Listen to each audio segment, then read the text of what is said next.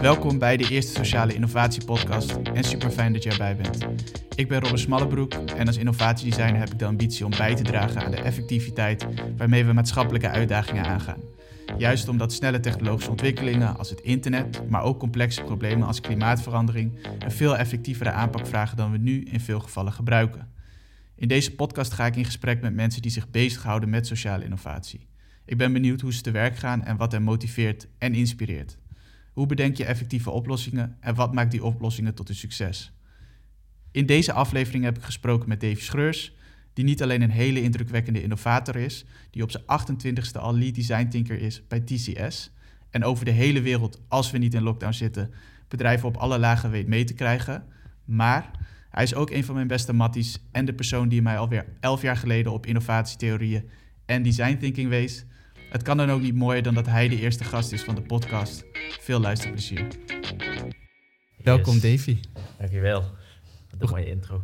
Ja? Ja, zeker, zeker, zeker. Ik kan alleen maar, uh, ja, kan alleen maar trots op zijn of zoiets. Ja, hoe gaat het met je? Ja, goed man, goed. Ja? We hebben natuurlijk net al even flink zitten te babbelen, maar uh, nee, het gaat wel lekker. Uh, ja. Het, iedereen, het is bijna een beetje vermoeiend, maar je moet wel vragen, soort van, ja. hou je het een beetje uit met corona? Ja, heel erg zelfs. Ja, Ja? zeker, zeker. Maar ja, ik vind het wel, eh, ik weet niet. Ik heb hier niet eh hele erge moeite mee ehm, met het sociale aspect. Dat ik denk van ja, tuurlijk, tuurlijk je mist familie. Eh, het voelt allemaal wat afstandelijker. Je, ik kijk ook wel heel erg uit nadat het weer normaal is. Maar ik moet ook zeggen dat het me veel makkelijker afgaat dan, ehm, dan wat ik zelf ooit gedacht had. Dus eh, ja, wat dat betreft, ik ben blij als het voorbij is. Maar ik merk ook dat ik het niet erg vind om erin te zitten. En ik merk ook qua werk ehm, dat daar ook heel weinig invloed op is. Kijk, het werk gaat gewoon door. Werk gelukkig in een IT-consultancybedrijf. Dus nou ja, werk, werk blijft er altijd komen. Ehm, werkprocessen zijn altijd voor ons al digitaal geweest. Of hebben we in ieder geval ons digitaal moeten forcen. Omdat we ook heel vaak met, eh, zoals je zei, internationale klanten werken. Dus ja, niet, eh, geen, geen grote verliezen kunnen vinden. En eh, nee, dus alleen maar mooi. En ik heb er rond. Natuurlijk, dat weet je sinds, eh, sinds kort eh tijd, Frenkie. Dus ja, dat, dat geeft je ook weer... Kijk, daardoor zit ik niet altijd thuis en moet ik mezelf verplichten om naar buiten te gaan. Ik heb geen keus en ik moet naar buiten gaan. Zo voor mij als mijn vriendin Kelly, die, eh, alle twee zijn we altijd wel op pad. Ja. Dus ja, Klein Dat wel kindje zeg je Ja, altijd, toch? ja zeker, zeker, zeker. Ja. Cool. En ehm, ja, je, vlie- je vliegt natuurlijk wel een stuk minder, want Ja. wat ik altijd zo ja, ook wel bizar vind aan jouw situatie is dat als we niet in lockdown zitten, dan heb jij een werksessie in Denemarken, India, Amerika. Je Ja. vliegt. Mis je dat niet? Jawel, tuurlijk, tuurlijk. Het was wel eh, een van de mooie dingen ook aan het werk. Is, eh, is dat je kan reizen en de wereld kan zien. En ook eh, zien hoe andere culturen met, met werk omgaan. En hoe daar invloed op kan zijn. Hoe bevoorrecht we zijn in Nederland wel niet. Als, als land. En eh, hoe, anders het kan zijn in andere landen. En dan heb ik het eh, met name over westerse landen. Waar ik af en toe gewoon schrik. In eh, wat voor situaties er zijn. En dan te bedenken dat we hier af en toe klagen. Dat, dat vind ik heel erg bizar. Dat is wel iets wat, wat ik de afgelopen drie jaar heel erg geleerd heb. Ehm, ja, wat betreft vliegen. Weet je, ja, het is heel leuk. Voor, voor de luisteraars. voor mij ook heel raar. Om, om dit. Maar in ieder geval, voor, ik, ik ben normaal één week in de maand wel echt op reis. eh, naar klanten toe, omdat het, eh, dat het een essentieel onderdeel is in ons proces. eh, in design thinking, dat we echt workshops doen bij de klant ja, het is wel lekker om dat te doen. Maar het kan ook heel... Het, misschien gaan we al te diep hoor, maar het, het zet ook heel veel druk op, op je sociale leven. Dus je moet in één keer hele andere keuzes gaan maken. Want in de maand zitten in één keer maar drie weken. Nou, dan heb je een vriendin. Dan heb je vrienden. Dan heb je je familie. Dan heb je familie van jezelf en familie van je vriendin. Ja, dan moet je in één keer keuzes gaan maken. En dan heb je ook nog je eigen leven waar je rust in wilt en waar je ook gewoon even wilt bijkomen eh, van een reis. Want de reis is oprecht heel vermoeiend en het is totaal niet relaxing. Dus uh, mensen met het idee dat het heel romantisch is, dat valt vies tegen. Ja. Want het is gewoon een keihard werken. En uh, nou, we zijn samen een keer op business trip geweest. Nu was dat wel heel fijn, omdat we natuurlijk hele goede vrienden zijn. Iets dichterbij ja, ook, in Brussel. Ja, maar het is wel gewoon, ja, je bent toch van huis. Je hebt niks anders te doen. Je hebt niet zo'n zo'n workshop is gewoon heel vermoeiend. Dus je denkt ook niet, oh, laat ik even lekker uh, langer op uitgaan. Dus ja, daar zitten ook heel veel, heel veel mindere dingen aan. Dus ja, om dat nou mijn hele leven te doen, weet ik niet. Zal ik misschien andere, ja, andere, er op andere manier mee om moeten gaan. Bepaalde manier is het ook wel een opluchting wat je zegt. Deze tijd ja. is, ook, is ook lekker. Zeker, tuurlijk, ja. tuurlijk. Cool. Um, ja, vervolgens ben ik eigenlijk best wel benieuwd. Uh, we gaan zo meteen natuurlijk uh, uh, ook wat concrete voorbeelden erbij pakken van ja. ja, dingen waaraan je hebt gewerkt. Omdat in deze podcast ja, proberen we ook die werkwijzes die mensen hebben ook heel, ja, eigenlijk heel concreet te maken. Ja. Um, maar toch eerst wel even benieuwd, ja, wat zijn de dingen die ook in coronatijd, zeg maar, je ja. hondje zeg je al, Frankie, ja. vernoemd naar Frankie de Jong. Yes.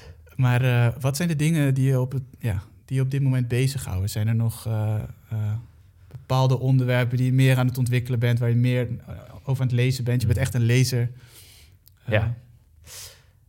Ja, lastig man. Nou, ik heb wel het idee, wat ben ik meer aan het ontwikkelen? Um, nou, voor mij, nou, bij mij staat heel erg voorop natuurlijk science.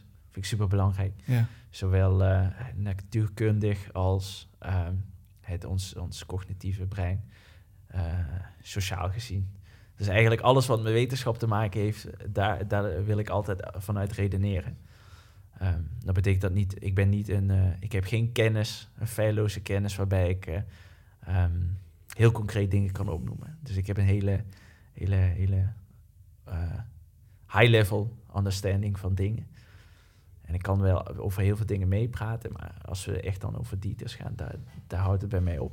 Zo, zo werkt mijn brein nog niet, dus dat heb ik ook, nou, sinds een paar jaar heb ik dat ook los weten te laten. Waar focus ik me dan de laatste tijd heel erg op? Um, ja, over alles. Ja, wat ik is om misschien in te, in te haken. Ik weet ook bij jou bijvoorbeeld, ik krijg eens in de week krijg ik bijna wel van jou een of andere video over consciousness. Dat ze, weet ik veel, bij MIT het hebben over wat is nou bewustzijn. En dan, ja.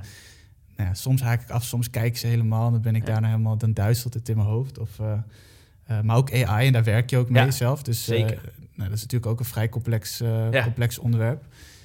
Um, ik vind het ook wel interessant wat je zegt. Want je zegt van als um, ik ben high level. Tegelijkertijd zit je, ja, je, zit, je levert best wel veel uh, producten ook op in het werk wat je doet. Ja. Misschien moeten we zo meteen nog even duidelijker maken wat, wat is dat uh, ja. TCS waarvoor je precies werkt. Um, maar uh, hoe, hoe zit dat precies? Zeg maar? dat, je, dat je als innovator kan je, ja. je kan aan alle, allerlei dingen werken. Ja. Je hoeft niet, jij hoeft niet precies te werk, weten misschien hoe een AI in elkaar zit. En toch lukt het jou om die projecten te leiden. Hoe, ja. Hoe, hoe, kijk jij daarna? Is, is, in hoeverre is het nodig, misschien is dat wel de concrete vraag, om expliciete kennis te hebben over hoe iets werkt? Uh, daar heb ik andere mensen voor. Ja. Dus dat is eigenlijk het makkelijke antwoord. Zeg maar, ik weet niet alles, verreweg van. Ze zegt toch altijd, hoe meer je weet, hoe meer je er ook achter komt, hoeveel je niet weet. Dus nou, met die filosofie ga ik ook met door het leven. En uh, gelukkig hebben we zoiets uh, in TCS. En ik denk uh, nou, gewoon in het werk, dat heet SME natuurlijk, Subject Matter Expert. Nou, deze mensen zijn natuurlijk cruciaal. SME misschien even goed om uit te leggen. Ja, Subject Matter Experts natuurlijk. Mensen die gespecialiseerd zijn op een vakgebied. Het is gewoon een hele... hele nou, het is gewoon een term in consultancy. stel nou dat ik ergens aan werk, dan halen we SME's... die dan heel specifiek over dat onderwerp kennis hebben. En dat is heel handig. Want uh, ja, uh, zoals je zegt, inderdaad, hoe ver moet je diep gaan? Kijk, het aard van mijn werk is dat ik altijd met andere dingen bezig ben. Dus ik, doe nooit, ik los nooit hetzelfde probleem op. Ook niet in dezelfde industrie. Dus ik werk als een horizontal. Dus ik werk dus eigenlijk voor alle industrieën binnen TCS. Nou, dus je moet in een hele korte tijd heel veel leren. Nou, godzijdank hebben we daar een, een, een, oplossing voor. En dat heet gewoon uh, onze research stage. En uh, dat zorgt eigenlijk voor dat we die kennis hebben. Dus daar haal ik heel veel uit. Of even terug te komen op de vraag, daar haal ik heel veel uit. En daardoor kan ik dus ook veel meer ehm, high level blijven. Maar daar staat tegenover, wil ik ook mee kunnen praten met al die bedrijven. Want dat wordt wel van me verwacht. Ik ben, ik ben natuurlijk heel strategisch, word ik ingezet. Moet ik dus ook wel van alles iets afweten. Dus ik kan daar niet komen en totaal geen voorkennis hebben. Nou, dan heb je twee manieren om daarmee om te kunnen gaan. Dat is één, door heel erg in te lezen op dat moment op, die, op dat gebied. Of je vertrouwt heel erg op je kennis die je hebt en zelf die verbanden weten te leggen. De lateral thinking. Dus hoe kan ik uh, van een, uh, bepaalde, uh, een bepaald domein of een bepaalde um, kennis die ik heb, hoe kan ik dat verbinden met hetgeen wat me gepresenteerd wordt? Nou, nu ben ik iemand die dat heel goed kan. Of in ieder geval, dat weet ik van mezelf dat dat een kracht is. Dus lateral thinking heeft misschien ook wel een beetje, uh, beetje uitleg. Want in mijn hoofd betekent dat altijd van uh, lateral thinking is ook heel erg durven gewoon ken inderdaad wat je zegt, verbinden van kennis die je hebt, maar gewoon puzzel te gaan leggen. Dus je, je legt gewoon links bovenin leg je een puzzelstukje, rechts leg je een puzzelstukje. Precies. En je blijft je, gewoon het durven bouwen aan zo'n puzzel in plaats van dat je het ook in één keer moet weten. Nou, niet, ja, het, het kunnen en niet, niet te durven dat moet je, dat, daar heb ik heel veel, ik heb heel veel durf, dus dat moet ik erbij zeggen. Of ik heb heel veel, uh, ik geloof heel erg in mezelf dat het wel goed komt. Dus daar kan ik heel veel energie uit halen. Dus ik heb uh, heel veel uh, zelfvertrouwen in dat gedeelte, dat ik ook ergens naartoe kan gaan en dat het daar toch wel komt. Ik vertrouw gewoon op mijn kennis.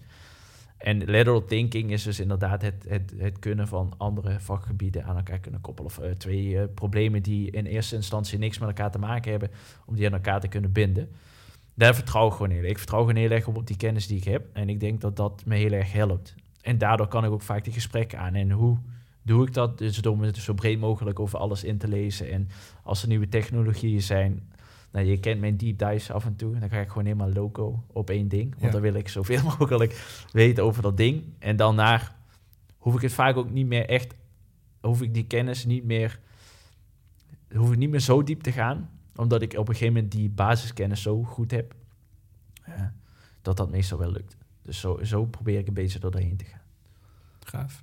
Nou, gaan we al bij de introductie uh, lekker in de lateral thinking en ja. uh, hoe diep moet je dus, hoe erg ja, moet je weten van, van, veel moet je weten expliciet van een onderwerp. Um, misschien goed om even het bruggetje toch te maken, want er valt nu al vaak.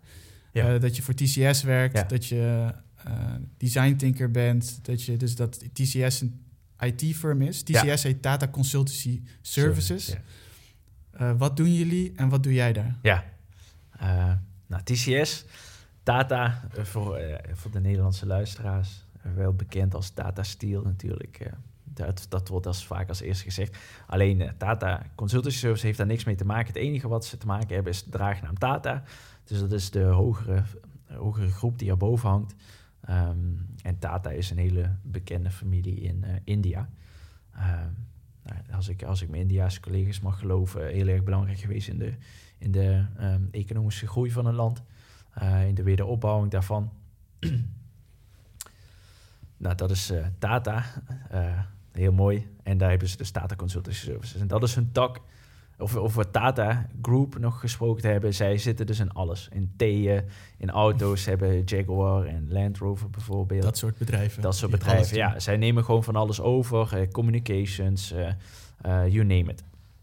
Ja, en een van de dingen staat er consultancy services. ook een, een grootste bedrijf meteen, waar de meeste revenue vandaan komt. Um, ik geloof dat we iets van, ik heb de exacte cijfers niet meer, 21 miljard omzetten. 16 of tussen 16 en 20 miljard. Werken 450.000 mensen. Ik dacht dat ik me niet echt kan nee, beeld dus bij ik ook niet. Veel. Ik ook niet.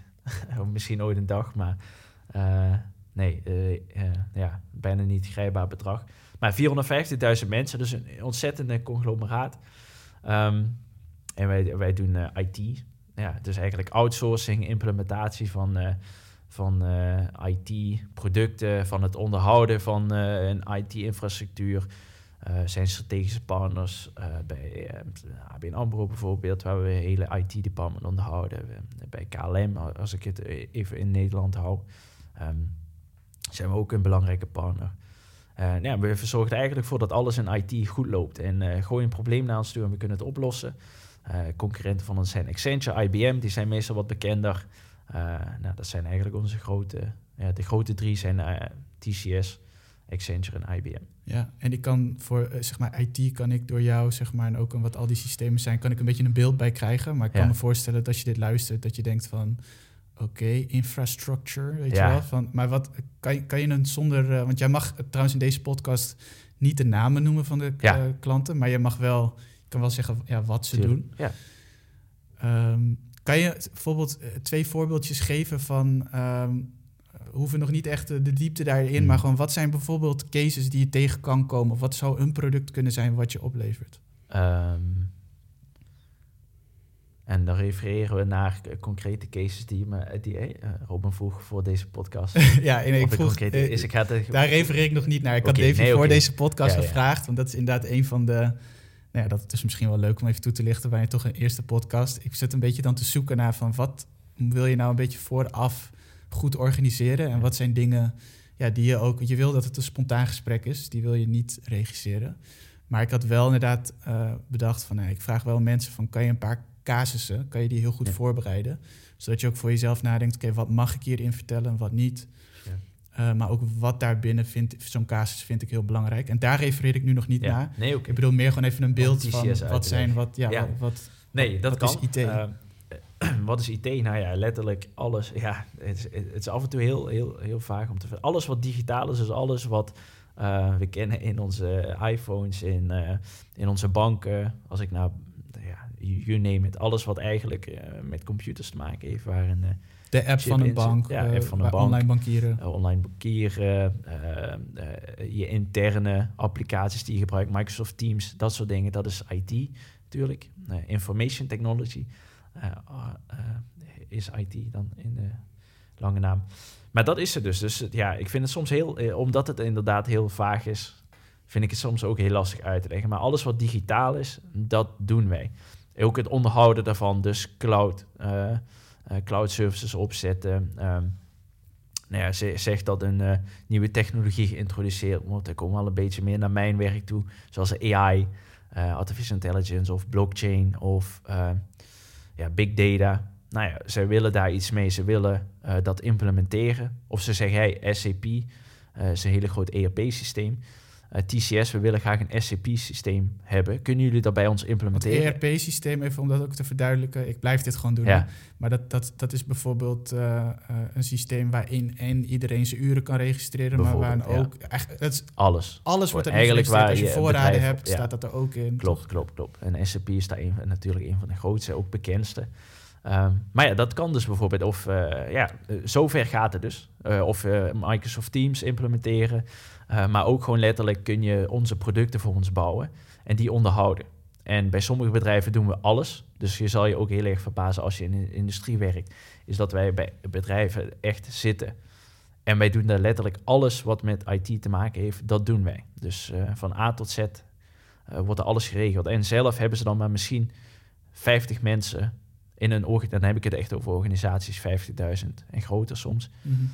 Waarbij gewoon maar 50 mensen aan IT werken en de rest worden allemaal ingehuurd. Uh, en ja, bij TCS. Dus uh, zo, zo ver kan het gaan. Ja, ja, duidelijk. En heel veel dingen ook die ja, we misschien niet allemaal kennen, maar het zijn, het zijn ook planningssystemen, toch? Een soort van echt dingen die op de achtergrond ja. of bij wijze van spreken, ik zal niet een, een naam ermee noemen, maar je hebt me wel eens iets verteld. Het zouden zelfs het onderhoud van je koelkasten, hoe goed zijn die, uh, zeg maar, ja. zijn die afgeschreven, ja of nee, waar zitten mankementen? Ja, dat. Allemaal die systemen die dat moeten regelen. Alle, alle systemen die digitale processen moeten regelen. Ja. Van A tot Z, dat, dat doet TCS. Oké, ik hoop dat we hiermee een beetje een beeld hebben gezet. En zo niet, uh, ja, zou ik zeggen, zoek het op. Want het is, is reden interessant, en vooral in deze tijd. Want alles gaat digitaal, dus uh, als je niet weet, wordt het ook tijd dat je in gaat lezen. Want anders haalt het tijdje in misschien. Ja, en, uh, en als je die omzet hoort van zo'n TCS, dan weet je ook wel hoe groot het is. Maar volgens mij ook die aantal, ik weet niet of jij dat nu zo top of mind hebt, hoeveel mensen er bij jullie werken, hoe groot zo'n bedrijf eigenlijk is. 450.000 mensen. Ja, precies. Dus dat laat wel even zien, zeg maar, hoe groot die business ja. is. Maar ook wel, ja, ik vind het fijn om wat van die vaagheid van IT. Want ik merk, ik, ik, heb zelf ook een, een, label, een van mijn labeltjes interactiedesigner. Ja. En ik heb soms zelf niet eens een idee wat er allemaal onder kan vallen. Dus nee beetje vaagheid wegnemen is misschien. Ja, nee, absoluut, absoluut. Ja. Laat staan de vaagheid die soms in design uh, Ja, onder designers al bestaat. Ja. Ehm, ja, wat motiveert je nou eigenlijk in je werk? Dus wat, wat, is, wat zijn voor jou de persoonlijke doelstellingen? Ja. Misschien En- moet ik ook nog even mijn baan... laat Oh ja, we hebben de functie nog Ja, want, dan, anders Ja. ga, ik- want dan kan ik dat loslaten. Ja. Eh, ik, ik, ik werk dus voor TCS en ik leid eigenlijk alle design thinking ehm, engagements in eh, Europa. Of dat is in ieder geval mijn regio waar ik onder val. Eh, en ja, wat, wat doen wij dan? Nou, wij vallen eh, tegenwoordig onder eh, Product and Service Innovation. Dus eigenlijk alle projecten die met innovatie te maken hebben, die vallen onder ons. En met name als het dan gaat over human-centered design. Dus op een andere manier innovatiecasuïstieken op te lossen. En design thinking is een methodologie die het eigenlijk mogelijk maakt om mensen eh, ja, op een andere manier naar problemen te laten kijken. Ik denk dat dat de simpelste manier is om het uit te leggen. En eh, wij gebruiken handige tools om eh, klanten ook een soort van creatief te maken. Of in ieder geval, het zorgt ervoor dat ons werkproces ook voor andere mensen, of, het werkproces van een designer, voor andere mensen ook bruikbaar is. Dat is eigenlijk heel kort wat design thinking is. En het belangrijkste daarin is eigenlijk de gebruiker. En dan is het niet letterlijk een gebruiker vragen, goh, wat wil je? Nee, het is eigenlijk kijken, wat zijn de behoeftes? Hoe ziet een dag eruit? Eh, wat leeft er nou in, in, in die persoon? En aan de hand daarvan oplossingen maken. En ik denk dat het mooiste ding is, is Steve Jobs. Die, eh, of dat- is, die, die hoor ik gewoon heel vaak en die vind ik zelf dan heel mooi. Steve Jobs heeft nooit mensen gevraagd, wil je de iPhone? Want als ze mensen hadden gevraagd, goh, als ze Nokia hadden en ze hadden gevraagd wat is de volgende iteratie, dan hadden ze ook waarschijnlijk alleen maar gekeken naar wat een Nokia zou kunnen. Steve Jobs heeft gewoon heel goed gekeken of Apple. Misschien moet, moet ik hem niet eh, te veel praise geven, want het, zijn natuurlijk, het is natuurlijk een grote team eh, waar hij een accelerator van is. Maar hij heeft gewoon gekeken, wat zijn nou de behoeftes van mijn gebruikers? Ik heb hele leuke technologieën gezien die ik wil gebruiken, zoals een touchscreen, wat al honderdduizend keer gedaan was. Maar hij heeft gewoon heel goed gekeken naar hoe mensen omgaan met producten, hoe mensen denken. En daar gewoon een fantastisch product op voortgebouwd. Wat de iPhone heet. En nou, tegenwoordig is dat natuurlijk niet meer eh, uit het leven te bedenken. En dan heb ik het niet over Apple nu, maar Apple over op dat moment was het gewoon echt een, een, een grote leap forward. Die we Ja. al lang niet meer hebben gezien. eh. Want dit Dus is, al. Dit is ook, eh, je, je, je benoemt nu ook een soort distinctie die ik zelf altijd wel heel simpel, maar wel fijn vind om te begrijpen in innovatie. Is dat je inventie hebt in innovatie, Ja. toch? Dus je kan de touchscreen kan je ontdekken. Ja. Maar innovatie is wel de toegevoegde waarde daarvan vinden. ja, ja.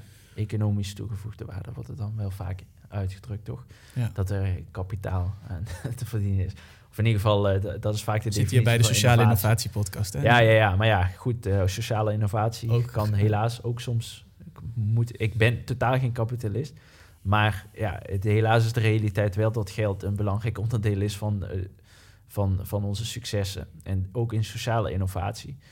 Nou, we leven helaas in een kapitalistisch systeem. Dus ik denk ook altijd dat dat een noemer is die je... Wil je slagen, moet je die noemer ook absoluut niet vergeten. Want ja, we leven nog niet in een wereld waar dat geen eh, belangrijke rol speelt. Maar ja, er zijn wel andere vlakken van sociaal gebied waar je geluk kan vinden. Waar gelukkig geen geld nodig heeft. Ja. Zoals liefde voor elkaar. En, eh, daar is Robin de, de grote voorstander van. eh, Daar hebben we gelukkig geen geld voor nodig. Ja, nee, duidelijk. En eh, ja, nee, ik wou, ik gooi hem er ook gewoon een beetje flauw in. Ehm, ja, je zegt van, eh, eh, nou, ze hebben dan design thinking. Dat is eigenlijk een manier om mensen mee te nemen op de manier van hoe een designer Ja. werkt. Volgens mij zei je een andere manier om naar een probleem of naar een oplossing te kunnen kijken. Waarom vragen ze, want jullie zijn dan echt de design thinking Ja, afdeling een beetje, kan ik me voor, zo Ja. kan ik een beetje zeggen, binnen TCS. Waarom hebben ze jullie dan nodig? Waarom heb je het nodig om anders naar een... En ik ben, ja, jij weet, ik ben zelf, eh, design thinking is voor Ja. mij de basis. Ja. Maar ooit door jou geïntroduceerd. Maar waarom hebben ze het nodig? Waarom hebben ze het nodig? Nou, heel vaak heeft een bedrijf niet het vermogen om even buiten de realiteit te stappen van een day-to-day business, van een dagelijkse business. En kan het heel fijn zijn dat er andere, ehm, een ander perspectief geboden kan worden op een probleem. Dus mensen die van buiten afkomen om een probleem op te lossen. Dat is eigenlijk hetgeen wat je doet. Nou, dat kan dat met honderdduizend andere manieren. Onze manier is om het met design thinking te doen. Nou, en wat vind ik dan dat design thinking onderscheidt van sommige andere processen, is dat Mhm. het gewoon heel erg op de mens gefocust is. Ehm, En ik denk dat dat het grootste onderscheidend vermogen is eh, als ik naar design dingen kijk. Nou, ik denk dat ik daarmee alles gezegd heb. Dus eigenlijk een andere blik, een andere mensen naar binnen halen om dat blik. Je ziet, eh, innovatie kan ook gedaan worden door gewoon start-ups kopen. En ik werk voor echte grote corporaties. Allemaal S&P 500. Uh, dat is misschien heel belangrijk om te melden. Die wel echt vastzitten in hun structuren. Die echt moeite hebben met innovatie door politiek. Uh, door budgetten die niet goed zijn, uh, door misschien niet de juiste mensen te hebben. Kan je dit, kan je dit zeg maar, nog een stapje zeg maar, uh, concreter maken? Van wat, wat gebeurt er dan bijvoorbeeld als het, wat is politiek of wat is budget? Waarom, waarom kan een, nou, we mogen geen naam noemen, maar gewoon waarom kan zo'n groot bedrijf, denk even voor jezelf nu aan zo'n zo'n grote naam, waarom kan die, uh, ja, waarom lopen die vast in politiek? Waarom kunnen die niet meer innoveren? Waarom kunnen die, zoals jij zegt, um, ja, niet meer goed bij de mens beginnen misschien wel en begrijpen wat de behoefte is. Ja, laten we, laten we dan meteen. Hier ligt een boek uh, voor ons, Loonshots. Ik denk dat dat gewoon, uh, toevallig heb ik hem laatst ook gelezen. Van dat, Safi uh, ja. Bakal, als we het, ik hoop dat ja. ik het goed zeg. Dikke SO naar deze man, want dat is een supergoed boek. ja. Maar in ieder geval... Misschien ook wel goed om erbij te zeggen, die, tijdens de Obama-administration was hij zeg maar de hoofd science en innovatie. Dus het is wel echt uh, is wel, heel, heel een, concreet. Een heel tof boek. Ja. ja. Maar die zegt eigenlijk, eigenlijk wat het ding is, op een gegeven moment wordt een organisatie zo groot dat je niet naar loonshots kijkt. Dat leggen we misschien straks een keer uit. Maar juist heel erg met incremental dingen bezig bent. Met franchise building, zo noemt hij dat. Dus eigenlijk aan het kijken, hoe kan ik binnen mijn systeem wat kleinere stappen zetten. Nou, wat daarvoor zorgt is dat je inderdaad incrementele innovaties doet. Um, wat wel heel erg goed kan, maar wil je echt grotere stappen soms kunnen maken, die wat buiten, buiten het bekende veld liggen. Dat is soms heel lastig voor zo'n bedrijf om dat te doen, omdat ze te groot zijn, omdat ze niet de goede mensen daarvoor hebben. Het, het, het vraagt ook echt een ander type mens om dat soort problemen op te lossen. Hij noemt dat dan soldiers en artists. Nou, ja. Je hebt artists nodig voor innovatie. En je hebt soldiers nodig om je bedrijf staande te houden. En dat benoemt hij ook heel mooi, is dat dat balans er moet zijn. Die dynamic equilibrium tussen die twee stappen is heel belangrijk. Ja. het evenwicht tussen die dingen. Dus je kan wel heel mooi, hij heeft er hele mooie casussen van, van Nikon en zo. Nou, laten we misschien over dat soort bedrijven dan noemen, Nikon. Um, die op een gegeven moment wel mega innovatief zijn, die, uh, die gewoon zelfs op wetenschappelijk niveau uh, hele belangrijke doorbraken hebben gedaan. Um, Zoals uh, het diafragma. Toch? Als ik het goed heb. Nou, nee, nee, nee. Ik weet nog welke passage je bedoelt. Ja. Inderdaad, ze, ze hebben, het even, gaat erover inderdaad dat ze een aantal hele grote ja. uh, innovaties... Uh, polarisatie, sorry. Polarization, dat hebben ze. Sorry, diafragma, nee, dat is niet bijzonder. Maar polarization hebben ze gedaan. Dus het ervoor zorgen dat je bepaalde lichtstralen wel en niet uh, tot je kan benoemen. Nou, bijvoorbeeld, dat zijn totale vernieuwde inzichten in de wetenschap die niet gekomen zijn door een corporate bedrijf door een winstgevend bedrijf, laat ik het zo noemen. Nou, en op een gegeven moment kwam dat, maar op een gegeven moment om zelfsustaining te worden, kun je niet meer relyen on die loon shots. En zo iemand bleef dan heel erg hangen op, um, op een innovatie, op het grote doorbreken, maar niet gekeken naar S-type, strategy-type innovaties. Um, Kun je dat toelichten? Ja, strategy is zijn natuurlijk hele incrementele. Dus echt kijken naar van, hey, kan ik mijn organisatie beter insteken? Dus kan ik, uh, kan ik uh, weet ik veel, kan ik uh, automatisering toevoegen, waardoor dat mijn processen beter lopen. Uh, kan ik kijken naar mensen beter op een plek te laten zetten. Kan ik kijken naar uh, mijn, mijn inkoop. Dus hele bedrijfstechnische vraagstukken om die op te lossen. In plaats van te kijken naar kan ik het product gerelateerd doen. Um, dus naar kijken van kan ik het met een mooi product oplossen. Is strategy type echt kijken naar organisatorisch, hoe kan ik dat beter oplossen? Of kan ik couponing invoeren? Of kan ik iets met mijn kan ik, uh, weet ik veel... Hey, Couponing? ja, couponing, couponnetjes, uh, coupon introduceren of in frequent flyer miles, dat benoemt hij dan ook. Dat soort dingen zijn innovaties die strategic zijn. Freaker flyer miles? Ja. Leg, eens, leg eens uit. Nou, als, je veel, als je veel reist natuurlijk kun je punten krijgen. Ja. En daarmee kun je weer andere dingen. Meer soort van markt, ja, welke marketingstrategieën koppel je aan het product. Want, want, dit is ook volgens mij een heel groot deel van innovatie dat vaak als mens. Uh, we weten nu nog niet precies wie de luisteraars gaan zijn van deze podcast, maar ik denk als je innovator. Onze vader en moeders. ja, precies. ja, nee. Daar begint het. Ja, ja en, maar op het begin als je eraan mee geïntroduceerd wordt, dan denken mensen vaak, oh, dit gaat over creativiteit, uh, de oplossing vinden voor dingen. Uh, maar eigenlijk, het, op, het succes van een oplossing ligt veel vaker in strategy. Ja. Toch dan, dan, dan het idee. Ja, ja creativiteit, ja, dat vind ik, ik vind ook mooi dat je zo benoemt. Want dat, dat zeg ik ook altijd. Ja, creativiteit heeft niks met innovatie te maken. Totaal niet zelfs. Want als ik creatief ben, betekent niet dat dat geld oplevert of dat dat uh, marktwaarde kan leveren. Hè. Eh, innovatie is echt, en dat is ook volgens mij, ik heb niet, niet mijn telefoon bij handen, maar de definitie van innovatie is ook, ergens staat in dat het geld moet opleveren. Of in ieder geval dat het uh, waarde oplevert, de financiële waarde oplevert. Waarde toevoegen. Precies, dat is vaak innovatie. Of in ieder geval als je het naar Schumpeter zo kijkt. Laat ik het daar even op terughalen. Innovatie is op veel andere vlakken natuurlijk ook. Iemand die veel geschreven heeft over innovatietheorie. Um, dus het heeft vaak daarmee te maken. En hoogstwaarschijnlijk hebben andere mensen hier andere meningen over, wat ik ook, waar ze ook hoogstwaarschijnlijk gelijk in hebben. Maar dat is in ieder geval een belangrijk deel. En als ik zelf creatief ben, kan zij dat het geen andere waarde oplevert voor andere mensen.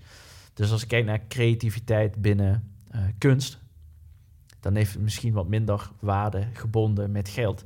Maar uh, ja, als ik een schets maak en niemand ziet daar meerwaarde in of vindt het mooi of kan zich daarmee verbinden, kan het heel creatief zijn voor jezelf, maar betekent niet dat het voor andere mensen iets oplevert. Dus meerwaarde heeft. Waarbij een Picasso natuurlijk de meest innovatieve uh, man in, uh, in 15.000, meer dan 15.000 schilderijen of kunstwerken heeft gemaakt. Um, ja, dat is innovatie. Die man heeft iedere keer meerwaarde kunnen leveren in een vakgebied als kunst. Die, uh, nou weet ik niet hoeveel keer, een nieuwe stroming heeft kunnen ontdekken in uh, dingen. Nou, dat is innovatie. Want dan heeft het toegevoegde waarde waar andere mensen uh, iets mee kunnen, ook verder mee kunnen, op grote schaal. Dat, dat is innovatie. Als het dat, voor andere mensen een toegevoegde waarde is. En dan misschien nog even terug te pakken op waar deze... Op schaal, denk ik dan vooral. Als ik dan denk van, nou ja, tussen ons tweeën iets waar, ja, dat kan innovatief zijn. Op kleine schaal kan het innovatief Maar hebben we het echt over innovatie, denk ik wel dat het scalable en op grote schaal moet kunnen. Ja, ja ik, ik, ik denk zelf altijd op dat, ik ben benieuwd hoe je daar naar kijkt, van dat het ook gewoon echt om impact gaat. Kijk, wij zijn dan, kijk, als je economisch kijkt, zijn onze twee levens inderdaad nu op schaal zijn niet, zijn niet significant, zeg maar. Wij zijn gewoon ja. twee, twee mensen. Maar je kan natuurlijk wel zeggen van ja, het kan, je kan het ook een paar mensen hebben. Weet je, als ik nu Bill Gates zeg, ja. is economisch in, als één persoon is hij heel significant, ja. zeg maar. Dus het is natuurlijk ook wel een beetje van, ja, ja wie heb je? Nou, ik denk impact? dat econo innovation is ook een, een, een, een, een economisch vakgebied vaak. Dus het feit dat wij ook de hele tijd aan naartoe benoemen dat dat met geld te maken heeft, komt eigenlijk meer door de studies in innovatie, dat dat ook altijd economisch gerelateerd is. Dus uh, excuses als ik heel vaak daar dan naar refereer. Waarbij ik denk dat innovatie veel breder natuurlijk is. Maar dan, hebben we het over, dan gaan we echt over mierenneuken, over terminologieën. Maar ik denk wel dat dat belangrijk is. Want daardoor, dat is ook een bepaalde verstandshouding tot elkaar. Ja. Want anders creëren we ook um, de fuzziness uh, of uh, vaagheid tussen elkaar. Die we, um, ja, we moeten ook, we, we, hebben taal uitgevonden om ook sommige dingen uh, aan elkaar uit te kunnen leggen. Zonder te veel in, uh, in een bepaalde abstractie voor jezelf te houden. Waardoor de, dat we ook ges dit gesprek kunnen voeren. Ja. Ja. ja. En, en even terugpakken, want ik, ik wil hem zeg maar rondmaken naar het begin. Toen zei je budgetten, politiek. En uh, correct me if I'm wrong, maar je zegt dus eigenlijk ja, een beetje van... Uh, ja, budgetten kan zijn, dus als je, wat jij zegt, strategy, ja. S-type innovation. Dat als je niet ervoor zorgt dat de budgetten ook daadwerkelijk ten goede komen aan de nieuwe uh, ja, organisatie die je zou nodig hebben om een innovatie door te kunnen voeren. Ja. Of politiek worden er te veel soldiers overal neergezet. Mensen die misschien... Uh, Bezig zijn met de carrière in plaats van het product. Ja, de incentive product niet hebben. Ja, Dat, is, dat is politics in organisaties. Dat betekent dat heel veel mensen, verschillende mensen er iets over willen hebben. Dat misschien uh, andere strategische beslissingen worden genomen vanuit misschien eigen oogpunt soms. Uh, vanuit us versus them, dat zie ik ook heel vaak, dat er toch een beetje naar elkaar gekeken wordt en elkaar dingen niet gegund wordt en ieder heeft zijn eigen pad. Dus vaak mist het grotere belang. Hoe groter de organisatie, hoe kleiner je belang in een organisatie wordt. Dus hoe, ik denk misschien dat dat misschien nog wel het grootste ding is. Hoe groter de organisatie, hoe minder steek je in de game hebt. Ja. Dus het maakt allemaal geen ene, soms maakt het geen ene drol uit, want ja, Wie ben je in een organisatie? En dat zie je dus heel vaak in grote organisaties. Werken mensen om te werken. En in kleine start-ups of mensen die aan innovatie werken, die hebben vaak een andere incentive. Die vaak niks met geld te maken heeft. Maar die juist heel even met meerwaarde heeft op, op sociaal gebied, op, op het, het doel vinden in de innovatie. Dat is hun drive. En dat is, ja, daar komen we toch weer terug op mensen. En dat is vaak het probleem. Je hebt vaak soldiers. Je hebt geen, soldiers heb je op een later punt in innovatie nodig. En die vind je vaak niet in grote bedrijven als uh, ja, in grote organisaties, in grote corporates. Um, ik zie dat ook gewoon om mij heen natuurlijk, in onze organisatie. Want ja, je wilt soms ook geen creatief gekkie hebben, waarbij het gewoon gaat om je core existence of van je bedrijf. Daar moeten gewoon mensen zijn die heel goed stapsgewijs daar heel goed dingen kunnen implementeren en goed kunnen kijken hoe hou ik die business in leven. Nou, dan moet je niet aan mij vragen. Ja. Hoogstwaarschijnlijk uh, zal mijn valkuil zijn dat ik inderdaad te veel dan ga dromen en te veel ga willen en niet kijk naar het execution part. Ja, om het uit, om uit te leggen wat zo'n loonshot is. Zo'n loonshot, hij bedoelt daar ook mee, eh, zoals ik hem in ieder geval begrijp. Soms lees ik iets ook drie keer en dan wordt mijn definitie drie keer wordt veranderd van wat ik dacht dat het was. Maar inderdaad, uh, die grotere ideeën waarvoor je, uh, waarbij je daadwerkelijk echt je manier van aanpakken drastisch verandert. Maar uh, dat het ook vaak meningen zijn van mensen die bij wijze van spreken de eerste drie iteraties van een ontwikkeling nog. Ja, ja ik, ik weet niet eens wat loon echt betekent, maar ik, ik zie het een beetje als ik weet niet, het klinkt voor mij ook een beetje als een loon shot. Zo van, je denkt op het begin, de mensen die eigenlijk de meest geniale dingen zetten, klinken... Ja. Eerst denk je van, eigenlijk gast, we zijn met iets heel, ja, we zijn met iets heel anders bezig. Zo kijk je zo iemand dan aan. Ja. En dat zijn eigenlijk, zegt hij vaak, de ideeën. En hij kan, dat is het coole, echt met twintig voorbeelden komen. Um, ook dus vanuit die uh, administration van Obama, dat hij zegt van, kijk, dit zijn allemaal voorbeelden waarin dat dus zo liep. Ja, de Bush en Venevo. Bush en Venevo volgens mij. Bush Venifer, ja. ja um, uh, een innovatie ooit uh, onder JFK. Of uh, Roosevelt. Roosevelt. Ja, Roosevelt, ja. Nou, in ieder geval lees boeken. Het is een ander innovatieboek als wat je gelezen hebt. Dat is het. Dat kan ik wel zeggen. Durf ik wel te zeggen. Dus goed. Ja. ja. Ja, dat is ook uh, misschien heel kort toe te lichten. Die had zo'n innovatie volgens mij met een. Ik heb hem iets langer, later, of langer geleden gelezen dan jij, maar dat dat die zegt, daar hebben ze zo'n uh, radarsysteem gemaakt om uh, duikboten mee te kunnen signaleren, ook vanuit vliegtuigen, als ik ja, me niet vergis. Ja, en dan, nou, dan omschrijft hij dan eerst al zeg maar hoe vaak zo'n idee eigenlijk al. Zo drie keer zegt hij. Drie, en dan zelfs de allerlaatste keer wordt dat dus eigenlijk vlak voor die day. Dus eigenlijk is het super geschiedenis. Uh, Tweede Wereldoorlog. Ja, Die, vlak voor die day eigenlijk um, werkt het nog steeds niet in die vliegtuigen. En dat noemt hij ook um, uh, vals, uh, hoe noem je dat ook weer? Hij zegt in ieder geval, dit, dit is uh, een valse stelling. Dus hij ziet dat er vaak zeg maar, dingen getest worden in innovatie. En dan zeggen ze, nou, we schieten het af, want het werkt nog niet. Maar dan blijkt ook, dan gaat die, die, gaan ze in die cockpits, gaan ze het extra checken. En dan blijkt dat eigenlijk die technologie is feilloos. Alleen dat in de... Het probleem onderzocht je inderdaad. Ja, precies. Dus ze weten precies wat jij zegt, die menselijke kant. Ze hebben niet door dat die piloot totaal geen tijd heeft om die technologie te benutten. Dan veranderen ze dat. Daarmee worden die duikboten uitgeschakeld voor die day. En dat is eigenlijk de inleiding geweest van onze bevrijding van heel Europa. Een false negative, eigenlijk. Een valse negatieve waarde. Waarbij je, als je goed had gekeken en de data echt goed had geïnterpreteerd, had je gezien dat het probleem niet was wat je dacht dat die technologie niet werkt, maar vaak hoe het gepresenteerd wordt. Ja. En dat is vaak, dat zie je inderdaad vaak. Mensen maken toch te snel conclusies, uh, willen toch sneller doorgaan. Het werkt niet meteen. En hebben vaak ook niet de tijd. Dat zie je ook gewoon heel vaak. Mensen hebben soms niet de tijd om uh, te kijken, omdat er ook andere dingen op het programma staan. Of uh, in de focus zijn. Om dan te kijken, wat is nou het echte probleem geweest? En soms moet je toch even die stap zetten om te kijken van, nou, wat is er nou echt fout gegaan? Heeft dat nou te maken met dat de technologie gewoon niet werkt? Of is het de manier hoe ik het presenteer niet werkt? En dan kom je weer op dat human-centered design uit. En dat heeft niet altijd human-centered te maken. Soms is het gewoon ook de data. Maar toch kijken van waarom haken mensen af? Kijk naar je data. Alles zou eigenlijk data-driven moeten zijn. Um, ja, want dat vertelt vaak het echte verhaal. Ook design thinking is eigenlijk data-driven innovation. Alleen dan qualitative. Dus je gaat qualitative measures doen. Dus kwalitatieve data ga je genereren door interviews te doen, door te observeren, door ja, surveys ga ik al meer naar de quantitative data.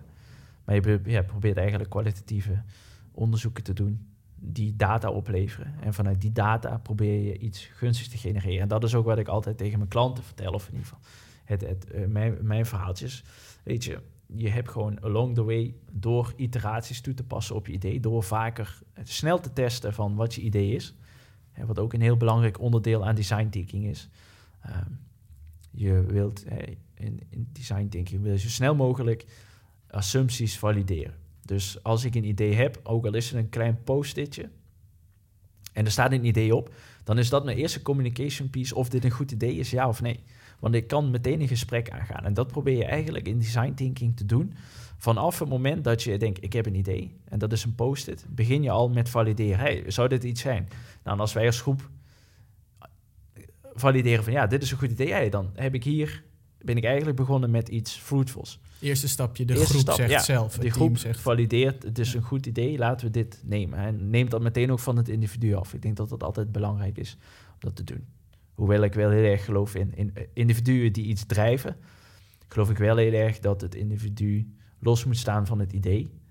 Uh, maar ik denk ook dat er soms te weinig praise is voor het individu die iets teweeg kan brengen. Zoals een Elon Musk. Of, ja, terwijl hij wel heel veel praise krijgt. Maar zonder hem was niet was Tesla er niet, was uh, SpaceX er niet. Ja. Maar zonder de mensen om hem heen was er ook geen Tesla en SpaceX. Dus ik denk dat dat uh, een, altijd een uh, onlosmakend feit is. Door te denken van hij, hij is gewoon de driving force.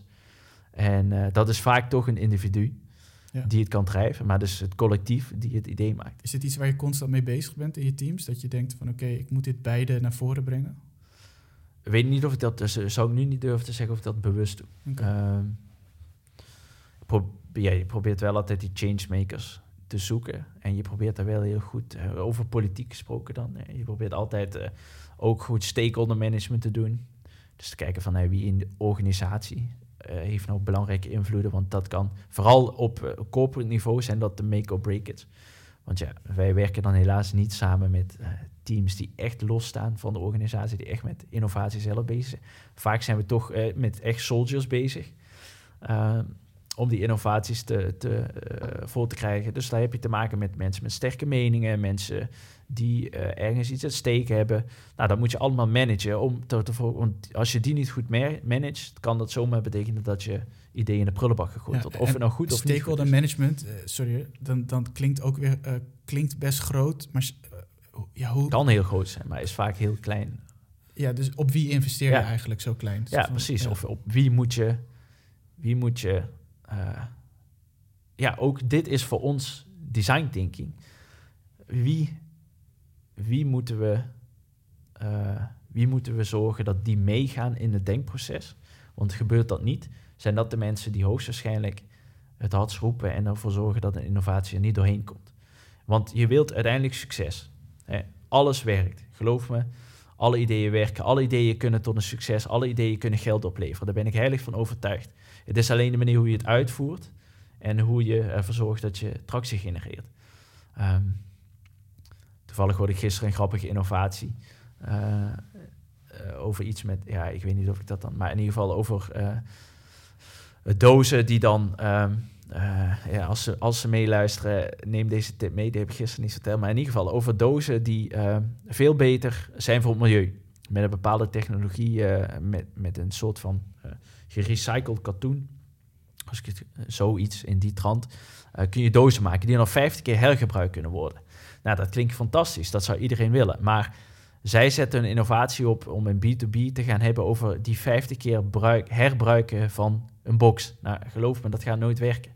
Want mensen, als ik bij Zalando of uh, bij Bol.com of Amazon iets bestel, ik ga echt niet die doos terugbrengen naar Amazon. Je gooit hem weg. Ik gooi hem weg.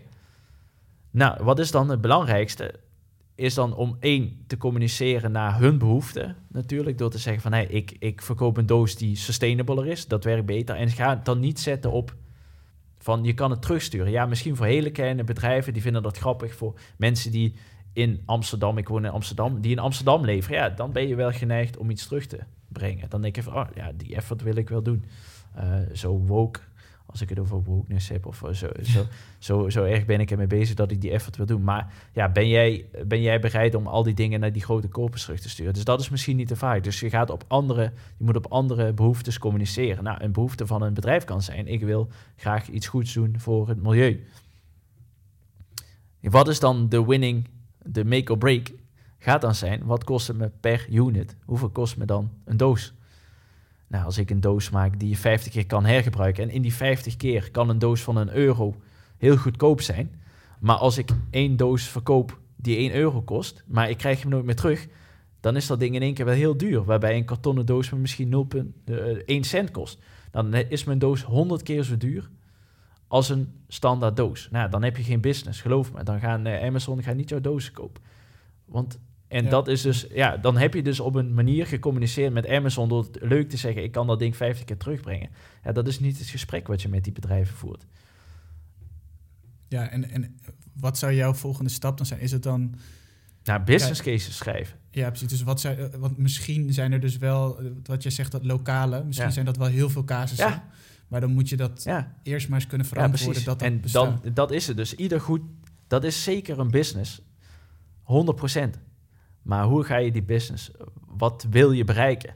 Nou, is je bereik om B2B uh, eh, grootschalig, on scale, dit te verkopen? Nou, dan moet je hele andere gesprekken voeren. En moet je heel goed kijken naar een business en die analyseren. En daarmee verder gaan. Ehm, ik denk dat dat altijd gewoon belangrijk is. Heb je de goede mensen aan boord? Er komt altijd op mensen af. Uh, en ik denk dat een vaak onderschoven kindje... Je hebt vaak twee dingen die ik zie. En daar ben ik zelf nu ook een beetje mee bezig. Is, uh, nou, we zijn designers, dus we hebben vaak toch wel een oplossing. Alleen wij denken niet financieel.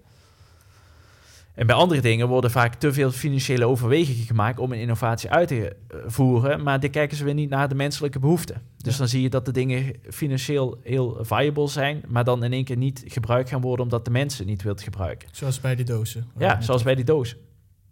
Zou dat, echt, dat zou echt een designer kunnen zijn.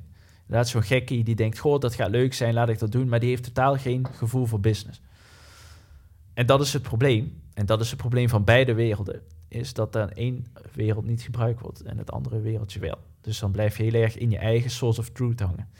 Uh, en dat is iets wat design thinking ook bijvoorbeeld uh, verstevigt is. Uh, multidisciplinary teams. Zoveel mogelijk hoeken en inkijk op een probleem te verzorgen. Hè. Zelf kun je niks oplossen, geloof me dat heb ik uh, vroeger toen ik jong was, dacht ik dat uh, best wel vaak. Dat ik eh, zelf kan dat wel, jongen. Zelf ben ik wel sterk genoeg om dat te doen. Nou, ben ik nu inmiddels wel achter dat dat gewoon een, een illusie is. Elon, nee, komen we terug op Elon Musk. Die heeft echt niet die Tesla verzonnen. Die heeft het alleen maar gedrijfd. En die heeft zeker gesprekken gevoerd. En die kan zeker die gesprekken voeren. Maar die heeft echt wel een team om zich heen om die dingen te kunnen bouwen. Dat imperium is niet vanuit hem gekomen. Dat imperium je hebt ook wat insights toch van je bezoek aan, ja. bezoekjes aan Silicon Valley. Dat je weet dat zijn manier van mensen die daar werken, dat die ook flink... Uh, Super autonoom zijn die. Ja, heel autonoom. Die kunnen zelf... En hij, hij, hij pusht het vooral enorm. Hij bouwt er een proces omheen. Hij is die uh, Loonshot-gast die dat kan managen. Nou, dat wordt nog de vraag natuurlijk. Kijk, hij, hij, kan misschien zo'n een, een, geval zijn in een boek waarbij hij misschien die strategy kan niet onder controle heeft. Dat zou me niks verbazen bij Elon Musk. Hey, kijk naar zijn stok. Uh, mensen zegenvieren dat uh, het stok uh, ontzettend veel waard is. Ik geloof wel dat hij een op 1000 dollar aan begint te tikken. Ja, meest gestegen aandeel. Ja, meest gestegen aandeel in de afgelopen tijd. Nou, dat is natuurlijk een, een bubbel. 100%. Want als je kijkt naar andere, als je kijkt naar Daimler, Volkswagen Groep, en dan kijk ik even naar high-level holdings. Het Volkswagen kent iedereen, Daimler wat valt. Ja, Daimler is Mercedes en zo. Ja, Mercedes, Mercedes. Nou, Tesla is meer waard op dit moment volgens mij dan Daimler of als Volkswagen of eh, als grotere groepen die veel meer automerken onder zich hebben. Nou ja, dan weet je al dat er iets mis is. Kijk, de potentie van Tesla kan er zijn. Hè, en daar wordt op geïnvesteerd. Hè. Dat is investeren is op een potentie, op een toekomstige uh, investering. Zoals uh, Spotify, die jarenlang niet um, profitable is waarom duwen mensen daar geld in? Omdat als het een keer die uh, flipside heeft, of die, als het ook de, de grote curve neemt in een exponentiële groeifunctie. Op een gegeven moment bereik je dat level dat je exponentieel gaat groeien, dat de kosten terugkomen, dat er zoveel mensen in je product geloven dat het winst gaat opleveren. Nou, op die droom, daar investeren mensen op. Dus ja, zo kan dus ook, en als je dat ooit hebt afgevraagd, hoe kan het nou dat een niet winstgevend bedrijf toch zoveel geld bij elkaar kan hakken? Nou, met die gedachte investeren mensen dat ooit die, uh, dat pad zich kruist van uitgaven en uh, gebruikers, dat daar op een gegeven moment, daar is een mooie naam voor. Maar ik ben dat helemaal vergeten. ik zou ook, altijd gewoon simpelweg zeggen waar je je break-even gaat. Maar... Break-even, ja, en dan kom je daar overheen. Dat, dat, punt is er. Maar dat gaat allemaal op scale. Alles is op scale. Dus dat heeft met scalability te maken. Dat heeft met groei, met uh, grote hoeveelheden dingen kunnen verkopen. Daar gaan mensen op uit. Dus als je kijkt naar iets als Tesla, dat is een productgedreven bedrijf. Hè, product innovation. Uh, hetzelfde geldt voor SpaceX, ook een heel erg productgedreven gebied. Nou, nu gaat de vraag zijn, hoe gaan zij strategisch, hoe gaan zij ervoor zorgen dat dit ook een, een sustaining business gaat blijven? Nou, en dan, ja, en dan kom je toch weer, hè, wat, zijn dan, wat zijn dan maatstaven voor een bedrijf als Tesla? Waar kan ik me dan aan, uh, of als investeerder, waar kan ik me dan aan vasthouden? Uh, nou, dan kun je je vasthouden aan de grote andere conglomeraten in uh, de automotive industry. En dan ja, kan, kan, kan, je, kan je als argument gebruiken, ja, maar Tesla maakt ook die, de batterijen, of de, de power stations. maakt ook die, wat is het ook weer, die opslag units, waarbij je je elektrische uh, uh, opslag van je zonnepanelen kan opslaan. Hè, er zijn andere businesses die losstaan van, uh, van je auto's. Hè, dat hebben ze mee. Nou, laat ik dat even verwaarlozen, want ik acht dat dat niet heel groot is in hun omzet. Hè, dat een core business is auto's. Dus moet ik me vergelijken met die bedrijven? Nou, dan zie je gewoon dat Tesla nog lange na niet daar is waar een, een Volkswagen wel ja. zal zijn. Ja, dan weet je al dat de bubbel daar is. Dus het is al meer waard dan een bedrijf als Volkswagen, maar het is nog lang niet op dat niveau en het draait echt nog niet de unit-nummers. Nou, stel nou dat we over een jaar erachter komen dat het niet lukt en er zijn een paar tegenslagen. Nou, geloof me, dat ding dat crasht zo ontzettend hard. Dat is niet gezond, want het is, het is oprecht overgewaardeerd. Dat zegt ook iedereen in de markt. Nou, neem de groei die je kan nemen als je geïnvesteerd hebt op tijd. Ja, heel, ben welkom bij de, ondertussen bij de aandelenpodcast. Ja. Maar nee, maar ja, het is, wij, wij kunnen over dit soort dingen nog, uh, zouden we nog super lang kunnen doorlullen. Um, maar inderdaad, ik vind het ook fascinerend hoe we elke keer weer in dat soort dingen, een soort van gaat iedereen erin geloven. En dan zie je toch, we hadden het niet verwacht, lees je over een jaar uh, de crash of zo. Dus, uh, ik heb het zelf, ja, zelf meegemaakt met cryptocurrency. Ja, je bent ook... Waarbij ik ook, nou, op een gegeven moment, ik had niet die enorme winst, maar ik had op 4000 euro had ik 14.000 winst gemaakt. Nou, dat, nou, voor mij was dat op dat moment was ik 23, 24. Of ik weet niet trouwens, was ik volgens mij nog ouder. Um, en toen in één die crash.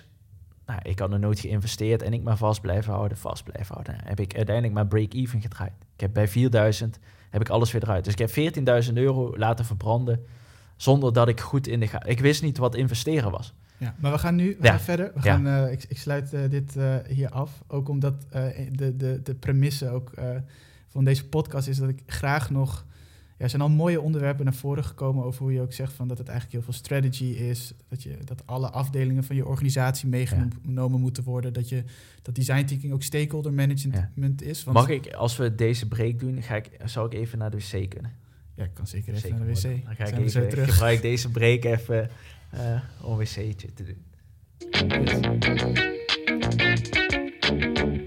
Welkom terug, dit was de plaspauze. Yes.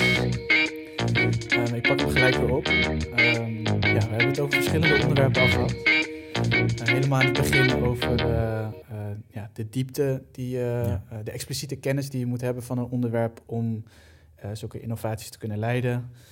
je hebt het dat over S-type innovation, dus dat strategie eigenlijk ja, een heel groot deel is van innovatie, waar vaak mensen denken dat het misschien wel over brainstorms gaat, creativiteit, dus een mm. oplossing bedenken. Terwijl nou, jij durft zelfs net te stellen van, uh, ja, misschien is creativiteit wel helemaal geen onderdeel van innovatie. En uh, ja, kan je van elk idee zou je aan kunnen verdienen of zou je een impact mee kunnen maken als de uitvoering goed is?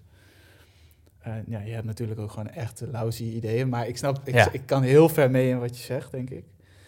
Um, ja, en de, maar de belofte van deze podcast is toch ook wel dat we ja, nog één stapje concreter proberen te worden. En ik weet dat je geen namen mag noemen. Ja. En uh, ik ken dat zelf ook. nou, ik werk zelf bij de politie als uh, een innovatiecoach, maar ook veel ZZP gedaan. Ja, heel veel dingen kan je eigenlijk niks, mag je niks zeggen. Nee. Maar ehm, ja, je hebt toch een manier gevonden om dat een beetje voor te bereiden. Ook van, oké, wat kan ik wel zeggen? Ja. Ehm, dus ik zou je eigenlijk willen vragen, ook misschien als, als bruggetje vanaf die onderwerpen waar we het net over hebben gehad, uh, dat, dat stakeholder management. Ehm, wat, wat, is, wat is voor jou een, een casus waarin je denkt van ja, hier kwam mhm. echt wel veel in samen? En wat was, wat was de grote uitdaging van, dat, uh, ja. van die casus? Um, ja, om, om dan duidelijk te zijn, dit zijn casussen uit mijn hele loopbaan, dus maak ik het nog lekker cryptischer. Dus kan, uh, bij, bij, overal waar ik gewerkt heb, uh, kan, kan dit voorgekomen zijn. Um, nou, misschien uh, wat een hele mooie is, um, vind ik zelf een, een, bedrijf, of zo is zo weer een tijdje terug, of in ieder geval een bedrijf waarvoor we gewerkt hebben, um, die in aerosols verkochten. En die hadden in een korte periode hadden die een... Uh, een aerosols misschien? Aerosols, ja. Het zijn uh, je deodorantbussen, et cetera. Okay. Um, het gaat dan niet over... En die hadden een, een nieuwe manier gevonden om dat te doen. Uh, en die hebben dus een bedrijf opgezet ehm, om dat... Um, ja, om dat draaiende te maken en te manufacturen, letterlijk. Um, en daar zijn we binnengehaald om te kijken... Hey, kunnen we, dit, kunnen we dit, deze plant of deze... Ja, plant is dan de fabriek. De fabriek, ja, sorry. Ja, de fabriek, hoe kunnen we die uh, slimmer maken? Smart factory, uh, zo gezegd. Um, het was eigenlijk nog in een tijd waar helemaal nog niet zoveel uh, daarin gedaan werd, of redelijk, redelijk nieuw was. in ieder geval in mijn wereld, waar ik in leefde op dat moment. en je ziet het nu nog steeds zo. Ik werk bij TCS en je ziet nog steeds dat het wel ja, gewoon een heel opkomend veld is. dankzij data en dat soort dingen. Nou, daar hebben we eigenlijk dat hele bedrijf in een eerste fase geholpen om het bedrijf digitaal te maken. Uh, en dan hebben we eigenlijk nu niet de hardcore dingen die ik nu zie bij TCS. Um, waarbij ik ook laatst met een klant gewerkt heb, waarbij we dat hebben geïmplementeerd. Maar op een hele ander gebied. Um, meer op IoT-vlak. Mm um, maar daar hebben we echt vanaf scratch zelf alles bedacht. Helemaal zelf het platform gebouwd. Uh, dus ik denk dat dat echt voor, voor ons in onze wereld de innovatie was. Uh, nou, dat vind ik een super mooie casuïstiek. En daar hebben we end-to-end, helemaal vanaf. Smart industry. Um, ja.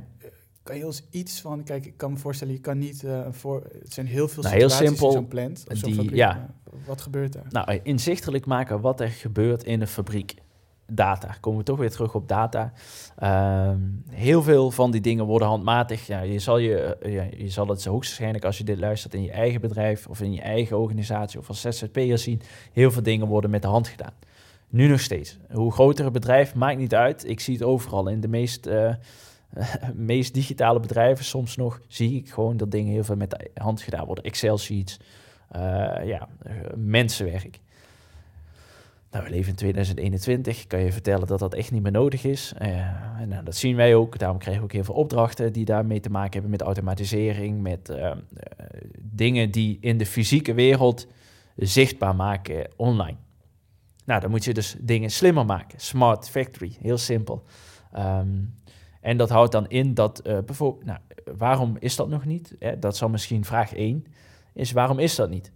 Nou, heel veel van de bedrijven, en dan heb ik het erover, uh, nou, bedrijven die al langere tijd bestaan, die hebben niet de machines waarbij dat geïntegreerd is. Dus nu niet de nieuwe Siemens apparatuur, uh, ik noem nu gewoon één bedrijf die uh, toevallig dat soort uh, dingen maakt. Of ASML, die die microprocessing chips maken. Laat ik gewoon even wat dingen noemen.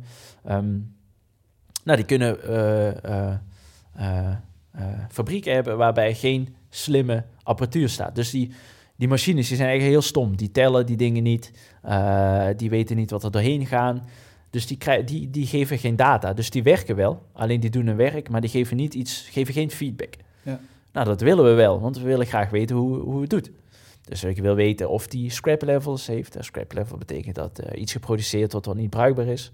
Uh, of het kan zijn, ik wil het aantal units die door mijn machine gaan. Dus het aantal producten die, of het aantal handelingen die je moet doen in die machine. Moet er ook iets uitkomen, dat is een unit. Um, ja, de on-time, hoe lang is mijn machine aan? Ik wil misschien weten of het misschien tijd wordt om reparaties te doen. Ja. Dus ehm, dat heet... moet ik even, nu zit ik even zelf vast in mijn denken, maar... ja, in Nederland zou ik zeggen de afschrijving. Maar... Ja, de afschrijving. Maar ook, ik wil prognoses maken. Wanneer gaat mijn machine eigenlijk wel kapot? Dus predictive, daar was ik naar op zoek. Predictive maintenance, predictive analytics. Kan ik zien in mijn data of er een bepaald probleem zich voor gaat doen. Of dat er uh, iets kapot kan gaan. Dus uh, in machines hebben natuurlijk een tv, een, je computer, je telefoon. Die hebben maar een bepaalde aantal, kunnen een bepaald aantal levensjaren mee. of duurzaamheid. Nou, dat kan ik meten. Daardoor kan ik analyseren. Kan er zijn omdat iets te warm is. Nou, noem maar op. Dat wil ik zichtbaar maken. Dat was eigenlijk de vraag ook van dat ik wilde zichtbaar maken waar dingen fout gaan, hoe mijn bedrijf loopt. En ik wil eigenlijk, eh, die persoon zei letterlijk, ik wil op de wc zitten en op mijn wc wil ik kunnen zien hoe mijn fabriek het doet. Ja. Punt. Ja. Nou, dat was er nog niet. Of hij vond geen goed ding. Hij wilde graag investeren. Die persoon wilde graag investeren. Omdat voor zijn machine kostenmeter gemaakt hebben. Ja, en um, nou, heel duidelijk. Wel fijn dat je hem zo concreet, uh, concreet uitlegt. Wat, wat waren nou echt, als je kijkt vanuit innovatie, wat, wat waren de grote, de grote uitdagingen in dit project? En wat vind je zo, ja, wat vind je misschien ook wel zo sprekend aan dit project? Dat je denkt. Ja, voor mij was het mijn eerste grote project. Waar ik, eh, dus ja, dat, dat, dat blijft altijd toch wel bij. Ben ik ook ontzettend trots wat we daar gedaan hebben. Um, nou, en daarbij gewoon het feit dat er niks was. We hebben alles zelf moeten ontdekken. Ja, er kan iets, iets nou, dat hoeft dan niet per definitie innovatie te zijn, maar ja, je moet wel vanaf scratch moet je alles beginnen. Dus eh, nou, we hebben zoveel interviews gedaan met mensen op de vloer. Ehm, Want het gaat natuurlijk niet alleen ook weer hier, het gaat Ehm, nou ja, toepasbaar maken van bepaalde technologieën die er zijn. Maar het moet ook nog bruikbaar zijn voor al die mensen, dat die er fijn mee kunnen werken. Ja, en we hebben het allemaal zelf gebouwd. Dus we hebben alle algoritmes zijn zelf gebouwd, uh, alle systemen zijn. Dus ja, we hebben ook alles zelf moeten verzinnen. Ja. In die zin van ja, zo innovatief was het. Dus dat het. Ja, we hebben eigenlijk het wiel proberen opnieuw uit te vinden. Nou, als ik het opnieuw zou doen, zou ik dat niet zo doen. Hè, want het wiel opnieuw uitvinden slaat nergens op. Want Mooi punt op zich. Ja. Dat ook in innovatie. Dit, dit, is volgens mij wel iets wat je veel terug ziet komen. Dat mensen. Um, ja, het dat we bezig zijn met ja, dat we bezig zijn met innovatie of zo. Dat dat ook betekent van je moet het innoveren om het alles zelf bedenken. Ja, dat Terwijl eigenlijk je copy-paste misschien wel 80%. Ja, ik denk dat de mooiste definitie van innovatie vind ik eigenlijk uh, uh, het twee dingen die al bestaan bij elkaar brengen om iets nieuws te maken. Dat is innovatie, punt. En het enige echte echte insane innovatie wat niet bestaat. En eigenlijk bestaat het wel, alleen zie het is natuurlijk de wetenschap. Dat is de enige innovatie waarbij we het echt hebben, daar creëer je zoiets nieuws. Maar dat is ook onzin, want dat heeft er ook altijd bestaan. Dus hè, zelfs iets als kwantummechanica, iets super complex, waarbij we zeggen, hè, dat hebben we niet. Nou, het is, het is er wel, alleen we hebben het op een gegeven moment waargenomen, meetbaar gemaakt. Of hebben uitleg gegeven waarom dat het er is dat zijn echt dingen dat ik denk, ja, dat is echt, dat zijn misschien wel echt echte innovaties. Daarom hou ik ook zo van de wetenschap, omdat ja, daar gebeuren dingen. Technologie. Ja, ja, fundamenteel. Je zegt het heel mooi, fundamenteel. Dat is nog nooit gebeurd. Dat, dat, dat gaat gewoon, dat raakt alles. En dat is vaak uh, met een business, nou ja, dat, uh, wat Elon Musk doet, is super innovatief. Maar ja, is dat nou, is dat nou echt innovatie? Ja, hoogstwaarschijnlijk zitten er heel veel dingen in dat systeem of in een manier hoe je ermee om is. Wat super innovatief is. Ja. Alleen ja, het grote geheel. Ja. ja, en wat je zegt, het ideeën combineren volgens mij juist inderdaad in de wetenschap. Op een gegeven moment zijn er altijd mensen die, die zien dan, die brengen dingen samen en die zeggen dan, hey, dit is quantum mechanics. Maar uiteindelijk, ja, de wetenschap is, heel veel mensen zijn papertje, papertjes, papers aan het schrijven. En die iedereen leent van elkaar, is juist heel netjes aan het refereren. En dan komt, ontstaat er iets. Zij zij zijn misschien nog wel het meest expliciet erin om te laten zien van wij, ik ben alleen maar de som van der delen, zeg maar. En om het nog mooier te maken, om het dan heel concreet naar innovatie te gaan. Ik, ik noemde het al eerder over. Um, stap ik toch even weer van die case af. Maar laten we het gewoon weer. Dit is wel iets heel concreets over hoe werkt innovatie in wetenschap. Waarbij vroeger, als je kijkt naar papers die geciteerd worden, zo waren vaak 1, 2, 3 mensen. Nou, gelukkig heeft de wetenschap zichzelf ook geïnnoveerd. En wat zie je nu? Vaak zijn die teams 100, twee, misschien wel duizenden wetenschappers die nu tegenwoordig werken aan innovaties.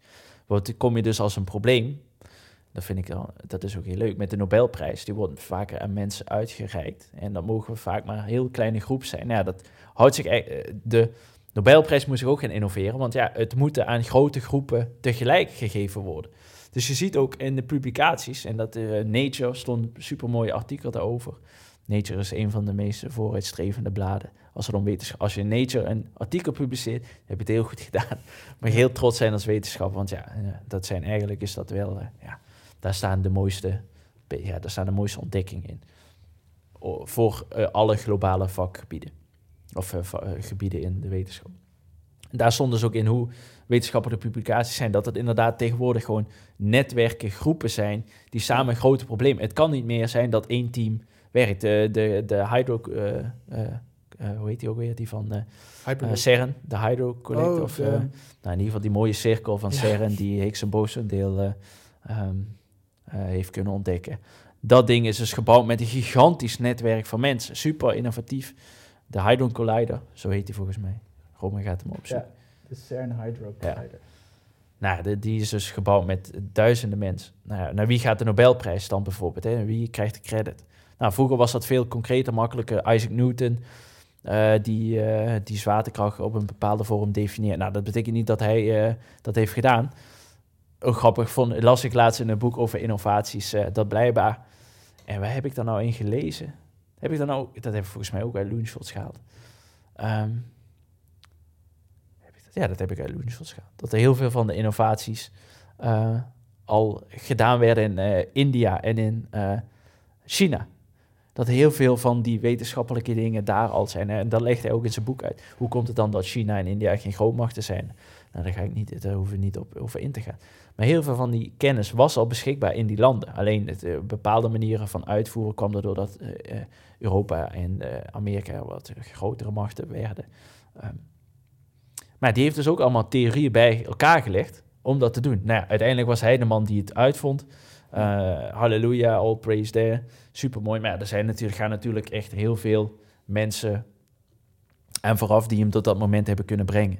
Ja. Nou, en tegenwoordig wordt het zo complexer, de ideeën, en worden de groepen steeds groter. Dat je ziet inderdaad dat innovatie, ook in de wetenschap, over grotere groepen gaat, grotere collectieven gaat. Ja, doe me ook denken aan een heel klein intermezzo, dan gaan we terug naar de smart industrie. Maar volgens mij heb ik dit een keer in de Tim Ferriss podcast gehoord, dat hij ook vertelde over dat...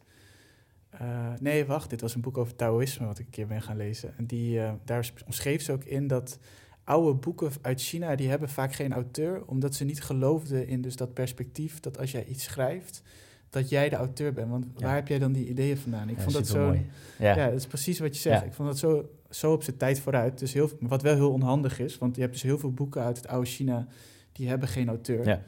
En ook dat zij zelfs het boek uh, destijds in heel veel dynastieën minder hoog in de ja, wetenschappelijke hiërarchie, ik weet even niet hoe je dat moet Mm. noemen, hadden staan, uh, hadden, stond een boek onder het orale. Dus zeg maar, Oh ja. het, het praten over dingen was, vonden ze belangrijker Ja, dan het vastleggen. Ja. Dus dat, uh, ja, dat doet me daar heel erg aan denken. Dat Terwijl in China een van de eerste landen was waar papier is uitgevonden. ja, nou, Dus dan hey. kun je nagaan. Ja, dan kun je nagaan hoe belangrijk dat is. Ja, Misschien om een mooi feitje daar dan toe te voegen. ja, ja. Ehm, eh, terug naar die, eh, naar die smart industrie. Want eh, eh, misschien heel concreet. ehm, ja, ik weet nog dat je daar toen aan, het werk was. En inderdaad dat jullie echt alles bijna zelf hebben gedaan. Ehm, je vertelt net ook over stakeholder. eh, dat juist dat Mhm. stakeholder management. Dus echt Ja. met iedereen meekrijgen dat dat zo belangrijk is. Hoe- Ja. hoe- weet je nog hoe dat ging? Bij Zeker, dat was ook heel belangrijk. En wat was is de crux daar? Ja, het was, eh, het was een hele bijzondere cultuur die daar hong. Een beetje een execution culture. En een beetje, ja, allemaal dat, wel execution? ja, hele sterke individuen die eh, allemaal als een mannetje wilden staan. En Of zijn vrouwtje wilden staan. Ehm, ja, daar moet je dan doorheen prikken. Dat is heel lastig. Dat is gewoon altijd goed samenzitten, goed expectation management doen. Dus goed de verwachtingen naar elkaar uitspreken. Wat kan er opgeleverd worden, wat kan er niet. Duidelijk dependencies daarin dan ook eh, ja, stellen naar elkaar. Ehm, ik denk dat dat super belangrijk was in die politiek. Gewoon mensen meenemen in je beslissingsstructuur. Samen die beslissingen ook maken. En nogmaals, data laten zien waarom dat sommige beslissingen belangrijker zijn dan de andere. En dat zie ik in alle, nou, even los van die kaas, dat zie ik in alles. Dat is ook wat ik uh, nu tegenwoordig vertel als ik nieuwe klanten spreek. En die stellen die vraag, wat moeten we daarmee? En daarom denk ik dat design thinking, nou goed, daarom denk ik dat data-driven decision making super belangrijk is.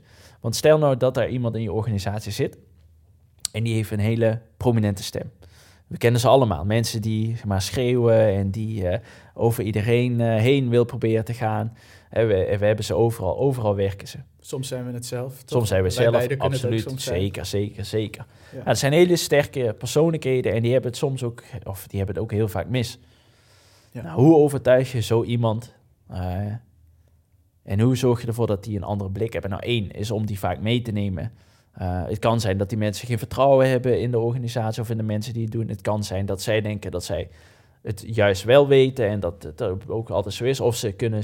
je hebt ook leiders die altijd vanuit angst gereageerd hebben. Dus die juist heel erg zichzelf achter die, uh, achter die sterke persoonlijkheid zetten om mij iets teweeg kunnen brengen, omdat dat altijd voor hun gewerkt heeft.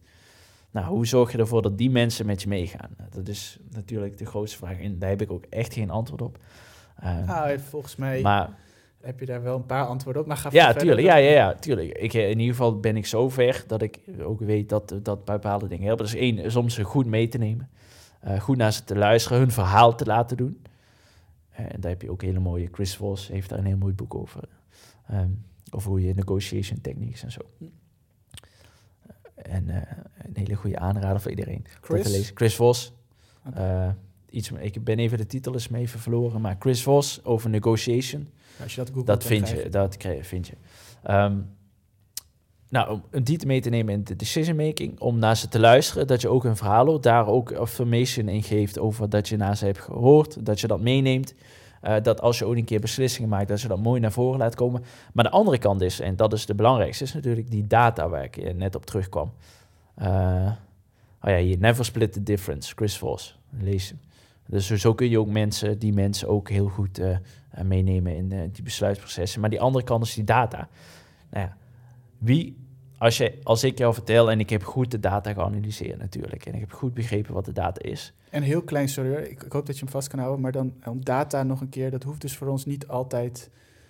Uh, data klinkt heel digitaal en we hebben het hier over een IT-onderwerp, maar data kan dus ook zijn een heel goed persona, waarin heel duidelijk behoeftes van Zeker. mensen kwalitatief staan benoemd. Dit is wat ze juist, willen. Juist, of een gesprek wat ik met... Uh, als, ik, als ik blijkt dat ik uh, twintig gesprekken heb gevoerd, nou dat is dan uh, kwantitatief, kan ik dat niet zeggen dat er een grote gemeenschap is. Maar vaak als we beginnen, beginnen we klein. Hè? Dus je begint, probeer zo klein mogelijk te schalen. Want begin daar, probeer daar je probleem te zoeken. En op een gegeven moment wordt je product ook beter. Zit er de box uit. Hè? Als je kijkt naar je hebt die hele mooie innovatie, uh, adaptation cycle, uh, waarbij je early adopters hebt. Die, die, heb je nodig. Diffusion of innovation. Ja, precies.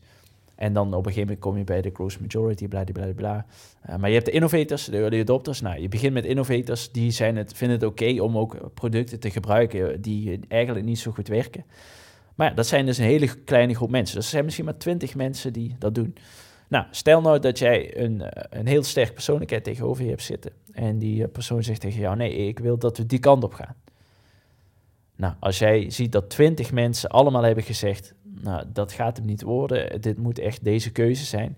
Nou, dan moet je een heel goed iemand zijn, wil je ons kunnen overtuigen natuurlijk uh, dat het de andere kant is. Dat betekent niet altijd dat je maar klakkeloos. Soms wil je ook een kant op gaan die een gebruiker niet kan voorstellen.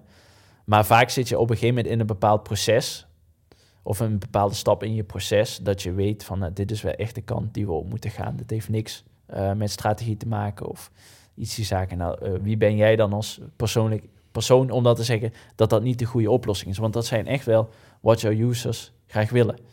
Nou, daar zijn ook weer voorbeelden van dat mensen juist heel erg standvastig zijn. Maar de mensen die ik bedoel, dat zijn niet die type mensen. Uh, want dat voel je ook wel.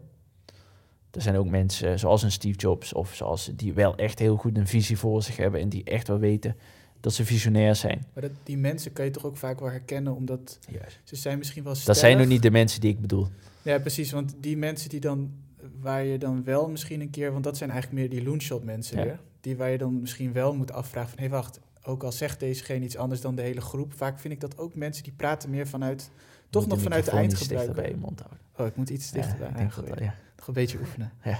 Nee, maar dus die, ik heb ook altijd het gevoel, die praten toch vanuit de behoeftes. Dus Ja. die, Juist. die mensen zijn een soort van te herkennen, want iemand die alleen vanuit zijn ego praat, die zegt misschien dat, hij iets zelf daar heb je iets heel interessant vindt. gezegd. Ja, Mensen toch? die uit zijn Ja. ego praten. Want inderdaad, ik heb het niet over die stra- strategy animals die gewoon al honderd stappen vooruit lopen.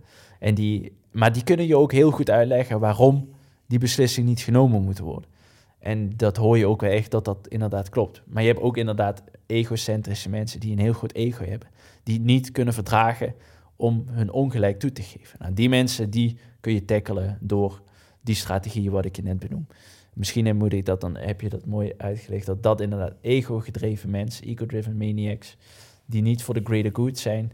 Maak Die moet een je- boektitel van. Ja, ja, ja, ja, laten we dat zo doen. Eh, jongens, als iemand ooit een boek wil schrijven, gebruik die titel. Ja. Oké, cool. En ehm, nou, je zegt dus van, het is ook gewoon veel in die mensen, die mensen meenemen. Ja. Maar ik weet ook, eh, en misschien is het ja, dan wel een mooi bruggetje om eens daar naartoe te gaan. Want ik, ik wil je ook vragen, want ik weet, kijk, mensen kunnen jou natuurlijk, nee, je hoort wel een beetje hoe iemand praat en dan voel je een beetje eh, wat voor persoon je bent. Ja. Maar wat ik heel cool vind aan jou is dat jij kan echt, ehm, ja, jij krijgt ook echt van die kolossen van klussen. Dan sta je bijvoorbeeld voor een hele grote verzekeraar in Amerika. Weet je wel, ik zou me niet eens zo heel comfortabel voelen met eh, sowieso dat, het, het echte Amerikaanse business talk. Weet je Ja. dan zou ik denk ik dingen missen. Ehm, maar dan ook nog eens de grootste ego's krijg je dan op bordniveau Ja. krijg je, krijg je aan tafel. En jij, jij staat er ook wel onbekend dat jij kan in vijf dagen, maar ook tweedaagse sessies. Dus dan neem je dus een heel eh, eh, team met echt belangrijke stakeholders neem je mee om eh, van probleem naar de eerste oplossingen te gaan en dat te testen. Ehm, ja, wat zijn een beetje, zou je iets kunnen delen van, want ik weet dat het is iets van jouw persoon ook. Jij Ja. kan ook heel ambitieus zijn Ja. op iets. Het zit ook in je sporten, waardoor dat breng je over. Mm. Maar wat zijn je trucjes om ervoor te zorgen dat zo'n zware... Nou, iedereen denk ik zal wel toch een beetje in eh, zijn broek plassen, zeg maar, als van sommige Ja. boardrooms, hoe, hoe groot die ego's zijn. Hoe krijg je die mee? Showtjes draaien, noem ik het altijd. noem ik altijd ook met de mensen met wie ik samenwerk. We draaien shows. Dus ik kom daar gewoon een eh, show voeren. En Dat klinkt heel raar, maar ja, we hebben een proces. Eén, ik heb het voordeel dat ik me inderdaad niet zo snel door die mensen uit het veld laat slaan. Dus ik durf ook tegen die mensen in te gaan en ik durf ook te vertrouwen dat ik ook weet wat ik wil.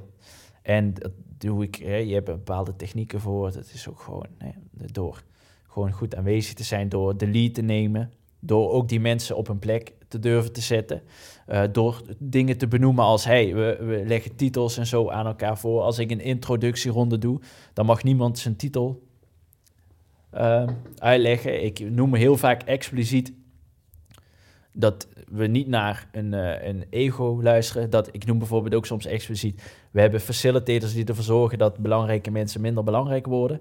en dat niet belangrijke mensen belangrijker worden. Door gewoon heel duidelijk dat soort dingen al te benoemen. In alles wat je doet. Om ervoor te zorgen dat iedereen zich gelijk voelt.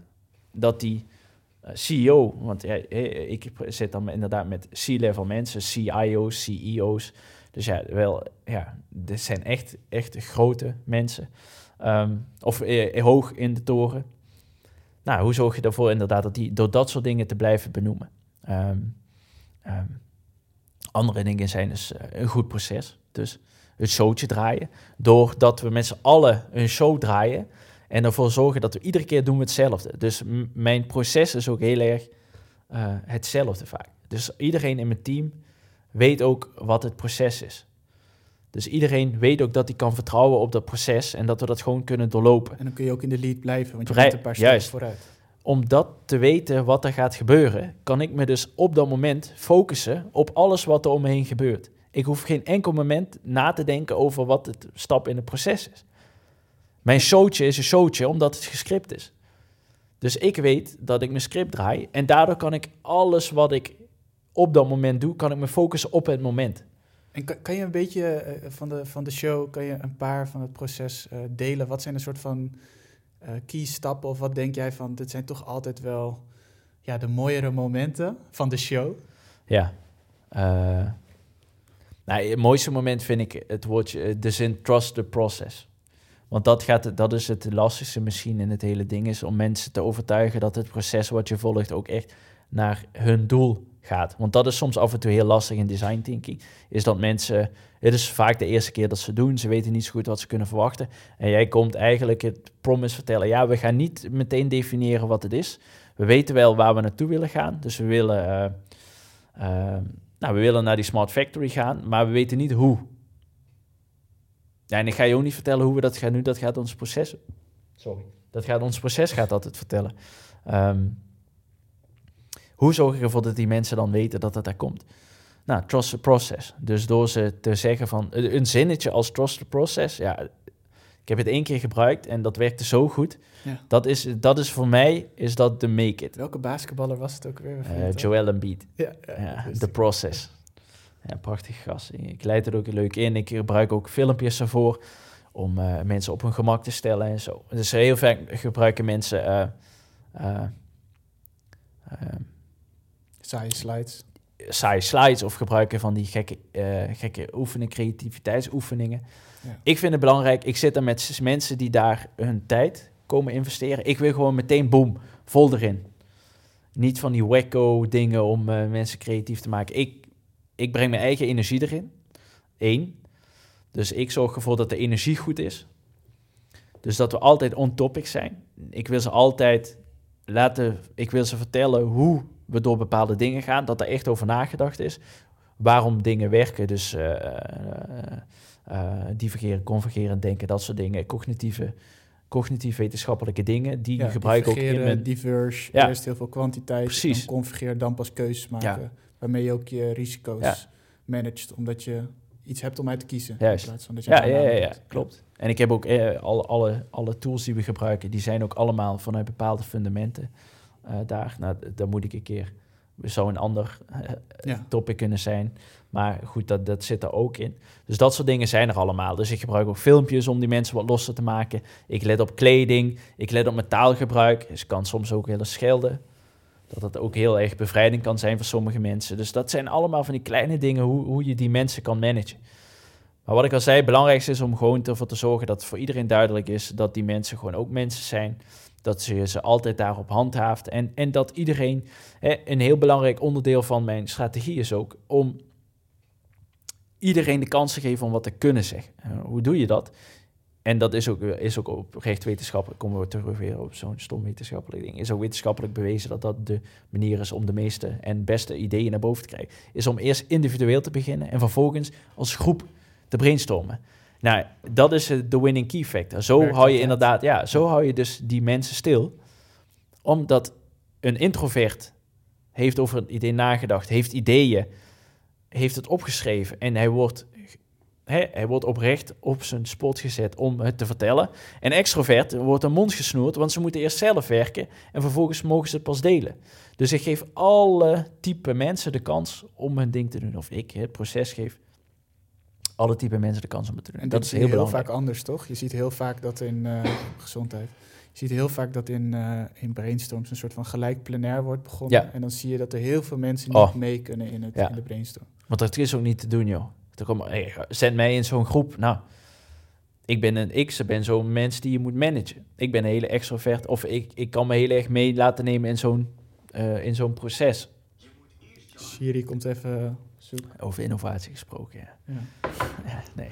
nee, over slechte innovatie gesproken, Siri. Ja, dat werkt nog niet. Ja, dat is pijnlijk, pijnlijk uh, ding. Nee, maar goed, ja, dus dat, uh, dat zijn hele belangrijke dingen om zo wat te noemen. En ja, en gewoon zelf sterk in je schoenen te staan. Dat is het allerbelangrijkste. En uh, ik denk dat dat wel, dat, dat, die eigenschap heb ik. Maar dat is ook weer echt iets wat je nodig hebt. Vertrouw in jezelf, straal die confidence ook uit. En ja, dat klinkt heel slecht. Mamba mentality, don't show your weakness. Want zwakte op die momenten kan niet staan. Op een gegeven moment, je bouwt wel daar naartoe in je proces om weakness toe te laten. Wat, ja, ik, precies. Ik snap, ik snap heel goed waar je naartoe... Ik zou het zelf nooit weakness noemen, maar waarin je uh, kwetsbaarheid... openheid. Ja, ja, kwetsbaarheid. Ja, sorry, weakness. Maar ja. uh, dingen heet weak. Ik vind voor C-level mensen is het, weakness. Ja, ja. In de zin van, en wij weten wat dat, dat, dat heet bij ons kwetsbaarness in, in designtaal. Maar in, in CEO-level, dat, zij zien dat als kwetsbaar. Als jij je daar uh, zacht opstelt en uh, een, beetje, uh, ja, een beetje je emoties laat zien, ja. dat kan als zwakte. Ja. Dat zien zij als zwakte. Ja, heel vervelend is het ook. Dus het belangrijkste ding is Mamba mentality, winnen. Zeg maar dat, ja. dat vind ik het mooiste wat er Daar ben ik ook. Ik wil, kom om te winnen. Alles is een spel. En alles wil ik winnen. En dat moet je ook met je team. Kom je daar om iets uit te halen en om die mentaliteit daar ook te brengen. Die mensen willen hun tijd niet voldoen, willen niet dat doen. Dus je begint daarmee. En langzamerhand, door middel van je proces, door middel van je show, haal je die laagjes eraf. Zorg je ervoor dat ze wel kwetsbaar worden. Dat het wel mag. Ja. Dat je af en toe wat kwetsbare dingen, dat wel foute ideeën oké zijn en dat. Maar je begint... Ook het moment dat je naar personen kijkt, toch? Want dan heb je wel inlevings... Juist. nog geen, maar zou dit voor jou niet net zo moeilijk zijn? Precies. In plaats van dat je denkt van, hé, hey, waarom zijn die gebruikers altijd zo lui? Of, Eerste dag kom ik in wat nettere kleren, tweede dag kom ik in mijn t-shirt. Bijvoorbeeld. Het zijn allemaal mensen uitnodigen om dat ook te doen. Zoiets als schelden, dat kan inderdaad averechts werken, maar op een goede manier een woordje shit of fuck te gebruiken in context kan heel veel ontwapenen. Kan heel veel mensen... Niet te veel te heftige Nederlandse nee, worden, maar... Ja, ja, ja. ja. goede, goede scheldwoorden die echt wel iets toevoegen. Ja. Het blijkt ook dat mensen die schelden, dat die ook vaak... Eh, en het onderzoek, komen we weer op onderzoek. Maar blijkt inderdaad dat mensen die wat schelden, die vaak zijn wat vrijer en uh, kunnen vaak ook wat vrijer denken. Ja. Ze zijn wel minder conservatief. Uh, dus ja, schelden kan ook weer goed werken voor je eigen beeld. Betekent niet dat je de hele dag fuck, kut, uh, shit, maar groep, sorry voor het vele schelden. Maar daar hebben we het niet over. We hebben het echt over het goed gebruik maken van scheldwoorden. Ja. Klinkt heel raar, maar... Nee, ik vind, ik vind het super mooi de kant waar je opgaat in dit ja, naartoe leggen, wat, lichten wat jouw technieken eigenlijk zijn. Omdat ja, je kan in technieken ook, ja, gaat het toch weer vaak de creativiteit kant op in innovatie van, ja, je, zo doe je een brainstorm. En inderdaad, wat jij zegt, volgens mij, ik zie dat zelf ook, dat het vaak dat individueel eerst beginnen zo fijn is dat iedereen gehoord kan worden in plaats van dat je gelijk plenair begint. Dus dat, daar geef je een soort van, denk ik, een techniek in de zin van hoe mensen aan technieken denken. Maar het, ja, alle dingen die je moet benoemen, wat eigenlijk ook een techniek is, uh, zelfs hoe je je kleedt, hoe je, ja, jij jouw energie overgeeft. Want dat herken ik heel vaak inderdaad, dat jij ook een keer goed vak zet, maar ook goed aanzet. Waardoor een soort van heel veel mensen vaak een eh, soort van het gevoel hebben, oh chill, ik kan hier even, want ik heb twintig net uh, meetings gehad over protocollen en alles. En nu kan ik even lekker aan het werk. Ik denk ook, die dingen die ik benoem, die hebben ook echt met het individu te maken. En inderdaad, de randvoorwaardelijke dingen. En dan laat ik even het proces helemaal los. Want proces is nog is mega. De, die show, dat is het belangrijkste. Als die show niet loopt, eh, loopt de rest ook niet. Maar die show is ook persoonlijkheden. En als die persoonlijkheden niet in de show geloven, ja, hoe kan, als je zelf niet in je show gelooft, hoe kan diegene die met je mee het show, of die naar je show komen, hoe gaan die je ooit geloven? Ja. Weet je, wat zijn goede acteurs? Zijn, uh, of het is heel niche theatraal. Ja, soort theatraal, ja, maar het komieke daarvan is het slecht acteren.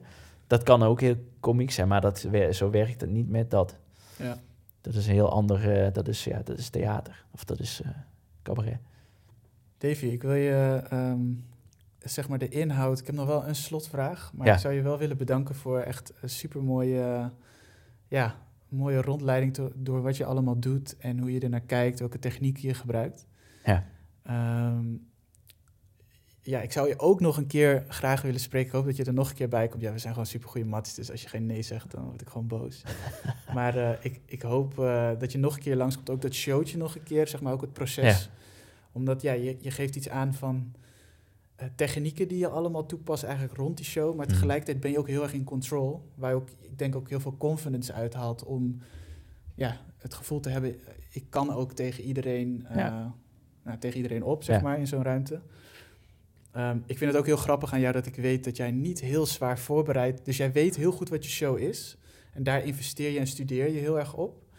Maar jij gaat niet zwaar voorbereid de show in. Want op een gegeven moment, jij weet gewoon wat jouw show is. Ja. Maar het is niet zo dat jij heel heftig... Ik vind, ik vind het een paar, een paar interessante dingen dat je het ook op je eigen manier doet. En toch zo in control bent. Um, dus ja, dankjewel voor al, die, uh, al die input. Um, en ik zou je eigenlijk nog willen vragen, want ja, dit is toch de eerste kunnen we heel professioneel al doen van... eh, nou ja, we, we spelen het, eh het podcastspelletje of Ja. zo. We spelen podcastje, maar eh, ja, ik zit nog met enorm veel vragen. Dus ik ben ook benieuwd van... Voor een volgende podcast, zijn er ook mensen, gebieden... eh, die je graag, ja, waarvan je zegt van... ja, die zou je er echt bij moeten hebben? Of eh, zoek het eens in die industrie? Of heb je het gevoel van... ehm, eh, misschien past dit stuk in de podcast. Misschien zou je dat nog anders Ja. kunnen doen. Of ik ben even benieuwd van hoe ervaar je dit? En ehm, ja, wat, wat zou je zelf zeg maar eigenlijk hopen in een Ja. verdere afleveringen om... eh, Ja, ik zou zelf, en eh, ja, of eh, allereerst super dope dat ik hier mag zijn, dat ik de eerste mag zijn. Of elkaar ook een beetje over onze egootjes lopen te strelen. Dat is ook gelijk. Ik wilde iets in analogie gebruiken, maar dat laat ik me even achterwege.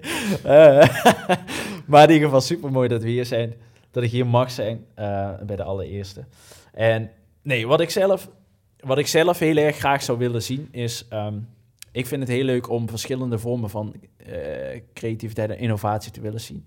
En dan komen we misschien weer terug bij dat. Maar ja, er zijn eh, kunstenaars, er zijn corporates, er zijn eh, mensen die het voor zichzelf doen. Er zijn zoveel type mensen die innoveren.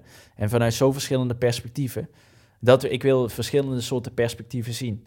Dus ik wil graag de kunstenaar zien. Ik wil graag de sociale innovator bij een gemeente. Zou ik heel mooi vinden. Ik zou graag eh, een, eh, een, een corporate innovator willen zien. Die gekke loonshot man zou ik willen zien. Ik zou een wetenschapper willen zien. Eh, ja, een, een lang lang. Laat ik het even over innovatie lang lang. Een pianist, nou ja, die is ook creatief. Maar ja, dat is een hele andere vorm van cre- creativiteit en innovatie. Ja. Misschien de beste pianist die ooit heeft bestaan. Als je die mannen spelen, zo insane spelen. Nou, wat, wat is dat dan? Wat, wat betekent daar in zo'n man zijn beroep innovatie? Nou, daar ben ik heel erg nieuwsgierig. Hoe, wat zijn hun perspectieven op innovatie en hoe gaan zij daar persoonlijk mee om? Ehm, er was nog een andere vraag. Dat was één. En de andere persoon, hè? Ja, er kan maar één zijn die hier moet komen. En eh, eh, misschien weet je, misschien niet. eh, ho- hoogstwaarschijnlijk wel. Is Jonathan, Jonathan Cheng. Eh, nou, als die niet komt, dan weet ik het ook. Nee, meer in de zin, dat is de man die ik graag... eh, of in ieder geval, in dit geval is het een man. Maar dat is de persoon die ik heel graag zou willen zien. Eén, omdat hij voor mij een, een leermeester is, een mentor. We kennen hem alle twee. Eh, Ja. Jij bent eh, ook echt, eh, ja, jullie zijn een soort van vrienden, maar hij is dan meer een soort van mentor. Ja, hij is mijn persoonlijke. Ik zie hem wel echt als mijn persoonlijke mentor. Een, een vriend geworden. innovatie van eh Levi's. Ja, oud head of design dingen. van Levi's inderdaad. Nou, nu freelancer geworden. Nou, wat hij voor een project doet, dat is niet normaal. Als je zijn kantoor binnenkomt, kwam, ik ben in zijn kantoor, ik ben eh, in zijn kantoor geweest in, in San Francisco. Nou, daar staat een stapel boeken, daar zeg je u tegen. Dat is insane hoeveel knowledge die man heeft, hoe humble die man is. Ja, er is geen podcast over innovatie zonder eh, Jonathan uit te nodigen. Dus eh, nou ja, die, eh, en ik weet ook zeker dat hij dat wil. Dus die zie ik graag, die zie ik graag tegemoet. Nou, ik vind het te gek eer als hij erbij wil zijn. En misschien extra mooi wel ehm, eh, als jij er dan ook bij bent. En dat we dan echt, dan koop ik er een microfoon bij. Ik heb nu een set van twee. Maar er zijn ook al wat mensen die hebben aangeboden dat stel hij zou een keer bijvoorbeeld in Amsterdam zijn. Dat er zijn daar wat echt wat professionelere studio's. Misschien is het Ja. dan ook wel eens leuk om, om bij hem bij zoiets uit te nodigen. Nou, eentje om de hoek bij mij thuis. Dat ook je nog, ja. Die precies. eh, kwamen we in onze momentjes tegen. Ja. Dus eh, nee, dat lijkt, mij, ja, dat lijkt mij ook echt fantastisch. Want eh, nou, je hebt hem ook wel eens bij een call gehad, dus ik ken hem ook een beetje. En ja, ik denk dat iedereen er het super interessant zou vinden om te Ja. horen hoe, hoe hij hierover praat. Want hij is nog weer, ja, we stappen verder dan dat wij Zo, zijn. ja. Veel- Als we daar ooit mogen zijn, zou ik al heel blij zijn. ja. Ehm, Ook al ziet hij dat zelf zo niet. Daarom, daarom is het misschien extra mooi. hij, is om hem te heel, eh, ja, hij is heel gelijkwaardig in een gesprek. Ja, super cool. Ehm, ja, dus eh, nee, super. Ik, ik zou ook nog wel willen toelichten. eh, het is ook wel echt de bedoeling dat er heel veel perspectieven. En jij wakkert het nu wel extra bij me aan. Dat ik denk inderdaad, ja, ik moet ook echt de vrijheid nemen om vanuit heel veel perspectieven het te gaan bekijken.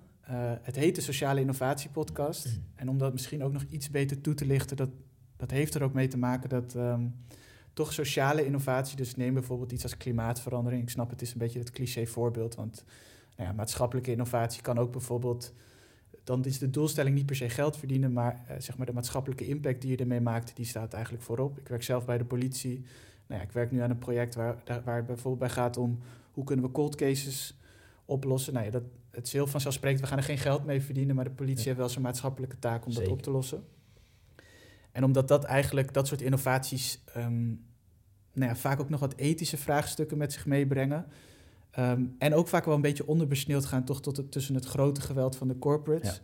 Vind ik het zelf heel belangrijk om eh, dat als een focus te nemen binnen de eh, podcast. Tegelijkertijd zou het natuurlijk dom zijn als we, nou je hoort het aan Davy, eh, wat hij allemaal doet. En ik weet ook eh, zelfs ook, kan hij niet alles over die projecten vertellen. Ook vaak hebben ze maatschappelijke impact. Eh, want neem bijvoorbeeld in duurzaamheid is efficiency is een van de grootste speerpunten om ervoor te zorgen dat dingen minder energie kosten minder en waardoor weer minder vervuiling optreedt. Dus zij zijn ja, misschien grappig genoeg wel nog veel duurzamer dan ze ook zelf profileren. Ehm, maar ja, dus dan sna- ik hoop dat jullie hiermee een beetje begrijpen van de focus is sociale innovatie. En helemaal door wat jij zet, zegt, dus dank je wel daarvoor. Eh En gaan ik- wel breed kijken. Ik zou sowieso als tip, als je iemand uitnodigt, laat die volgende persoon de introductie zijn naar je volgende interview. En laat zo je misschien een keer je podcast bepalen. En begin met zes mensen. Ze zeggen altijd, binnen zes mensen kun je iedereen bereiken. Dus je hebt maar zes eh, mensen nodig Ja. om ergens te komen. Dus als jij, eh, ik weet, eh, nou ja, er zijn een paar mensen die je heel graag zou willen spreken. Ja. Nou, dan ben je zes mensen Van mensen nooit begrijpen dat ik Kanye West heel Ja, graag zou willen. Precies. Je bent zes mensen van Kanye West af. Ja. En ik weet dat Jonathan je al eh, vier stappen verhelpt. Ja, die zit er maar eentje vanaf. Ja. Ja. Ja, die kent hem ook. heel Ja, precies. Ja. Nou, ik ga hem hier, eh, we zijn nu, eh, we, we, we lopen uit. Eh, ehm, maar Davy, nogmaals super bedankt. Ik hoop dat jullie ook allemaal hebben genoten. En het is een startende podcast, dus jullie zullen het ook wel op mijn eigen socials. Ik heet Robin Smallenbroek. Ehm, zal ik het ook wel gaan delen. Ik ontvang graag feedback. Dus als je in mijn DM kan gaan en je hebt zoiets van... Slide. Ja, slide in dat DM. Ja, heb je iets van feedback, geef het alsjeblieft. Eh, dat stel ik enorm op prijs. Want eh, ja, we hopen het elke aflevering een beetje beter te doen. Maar in ieder geval heeft Davy me er deze doorheen eh, gesleurd. Dus tot de volgende keer.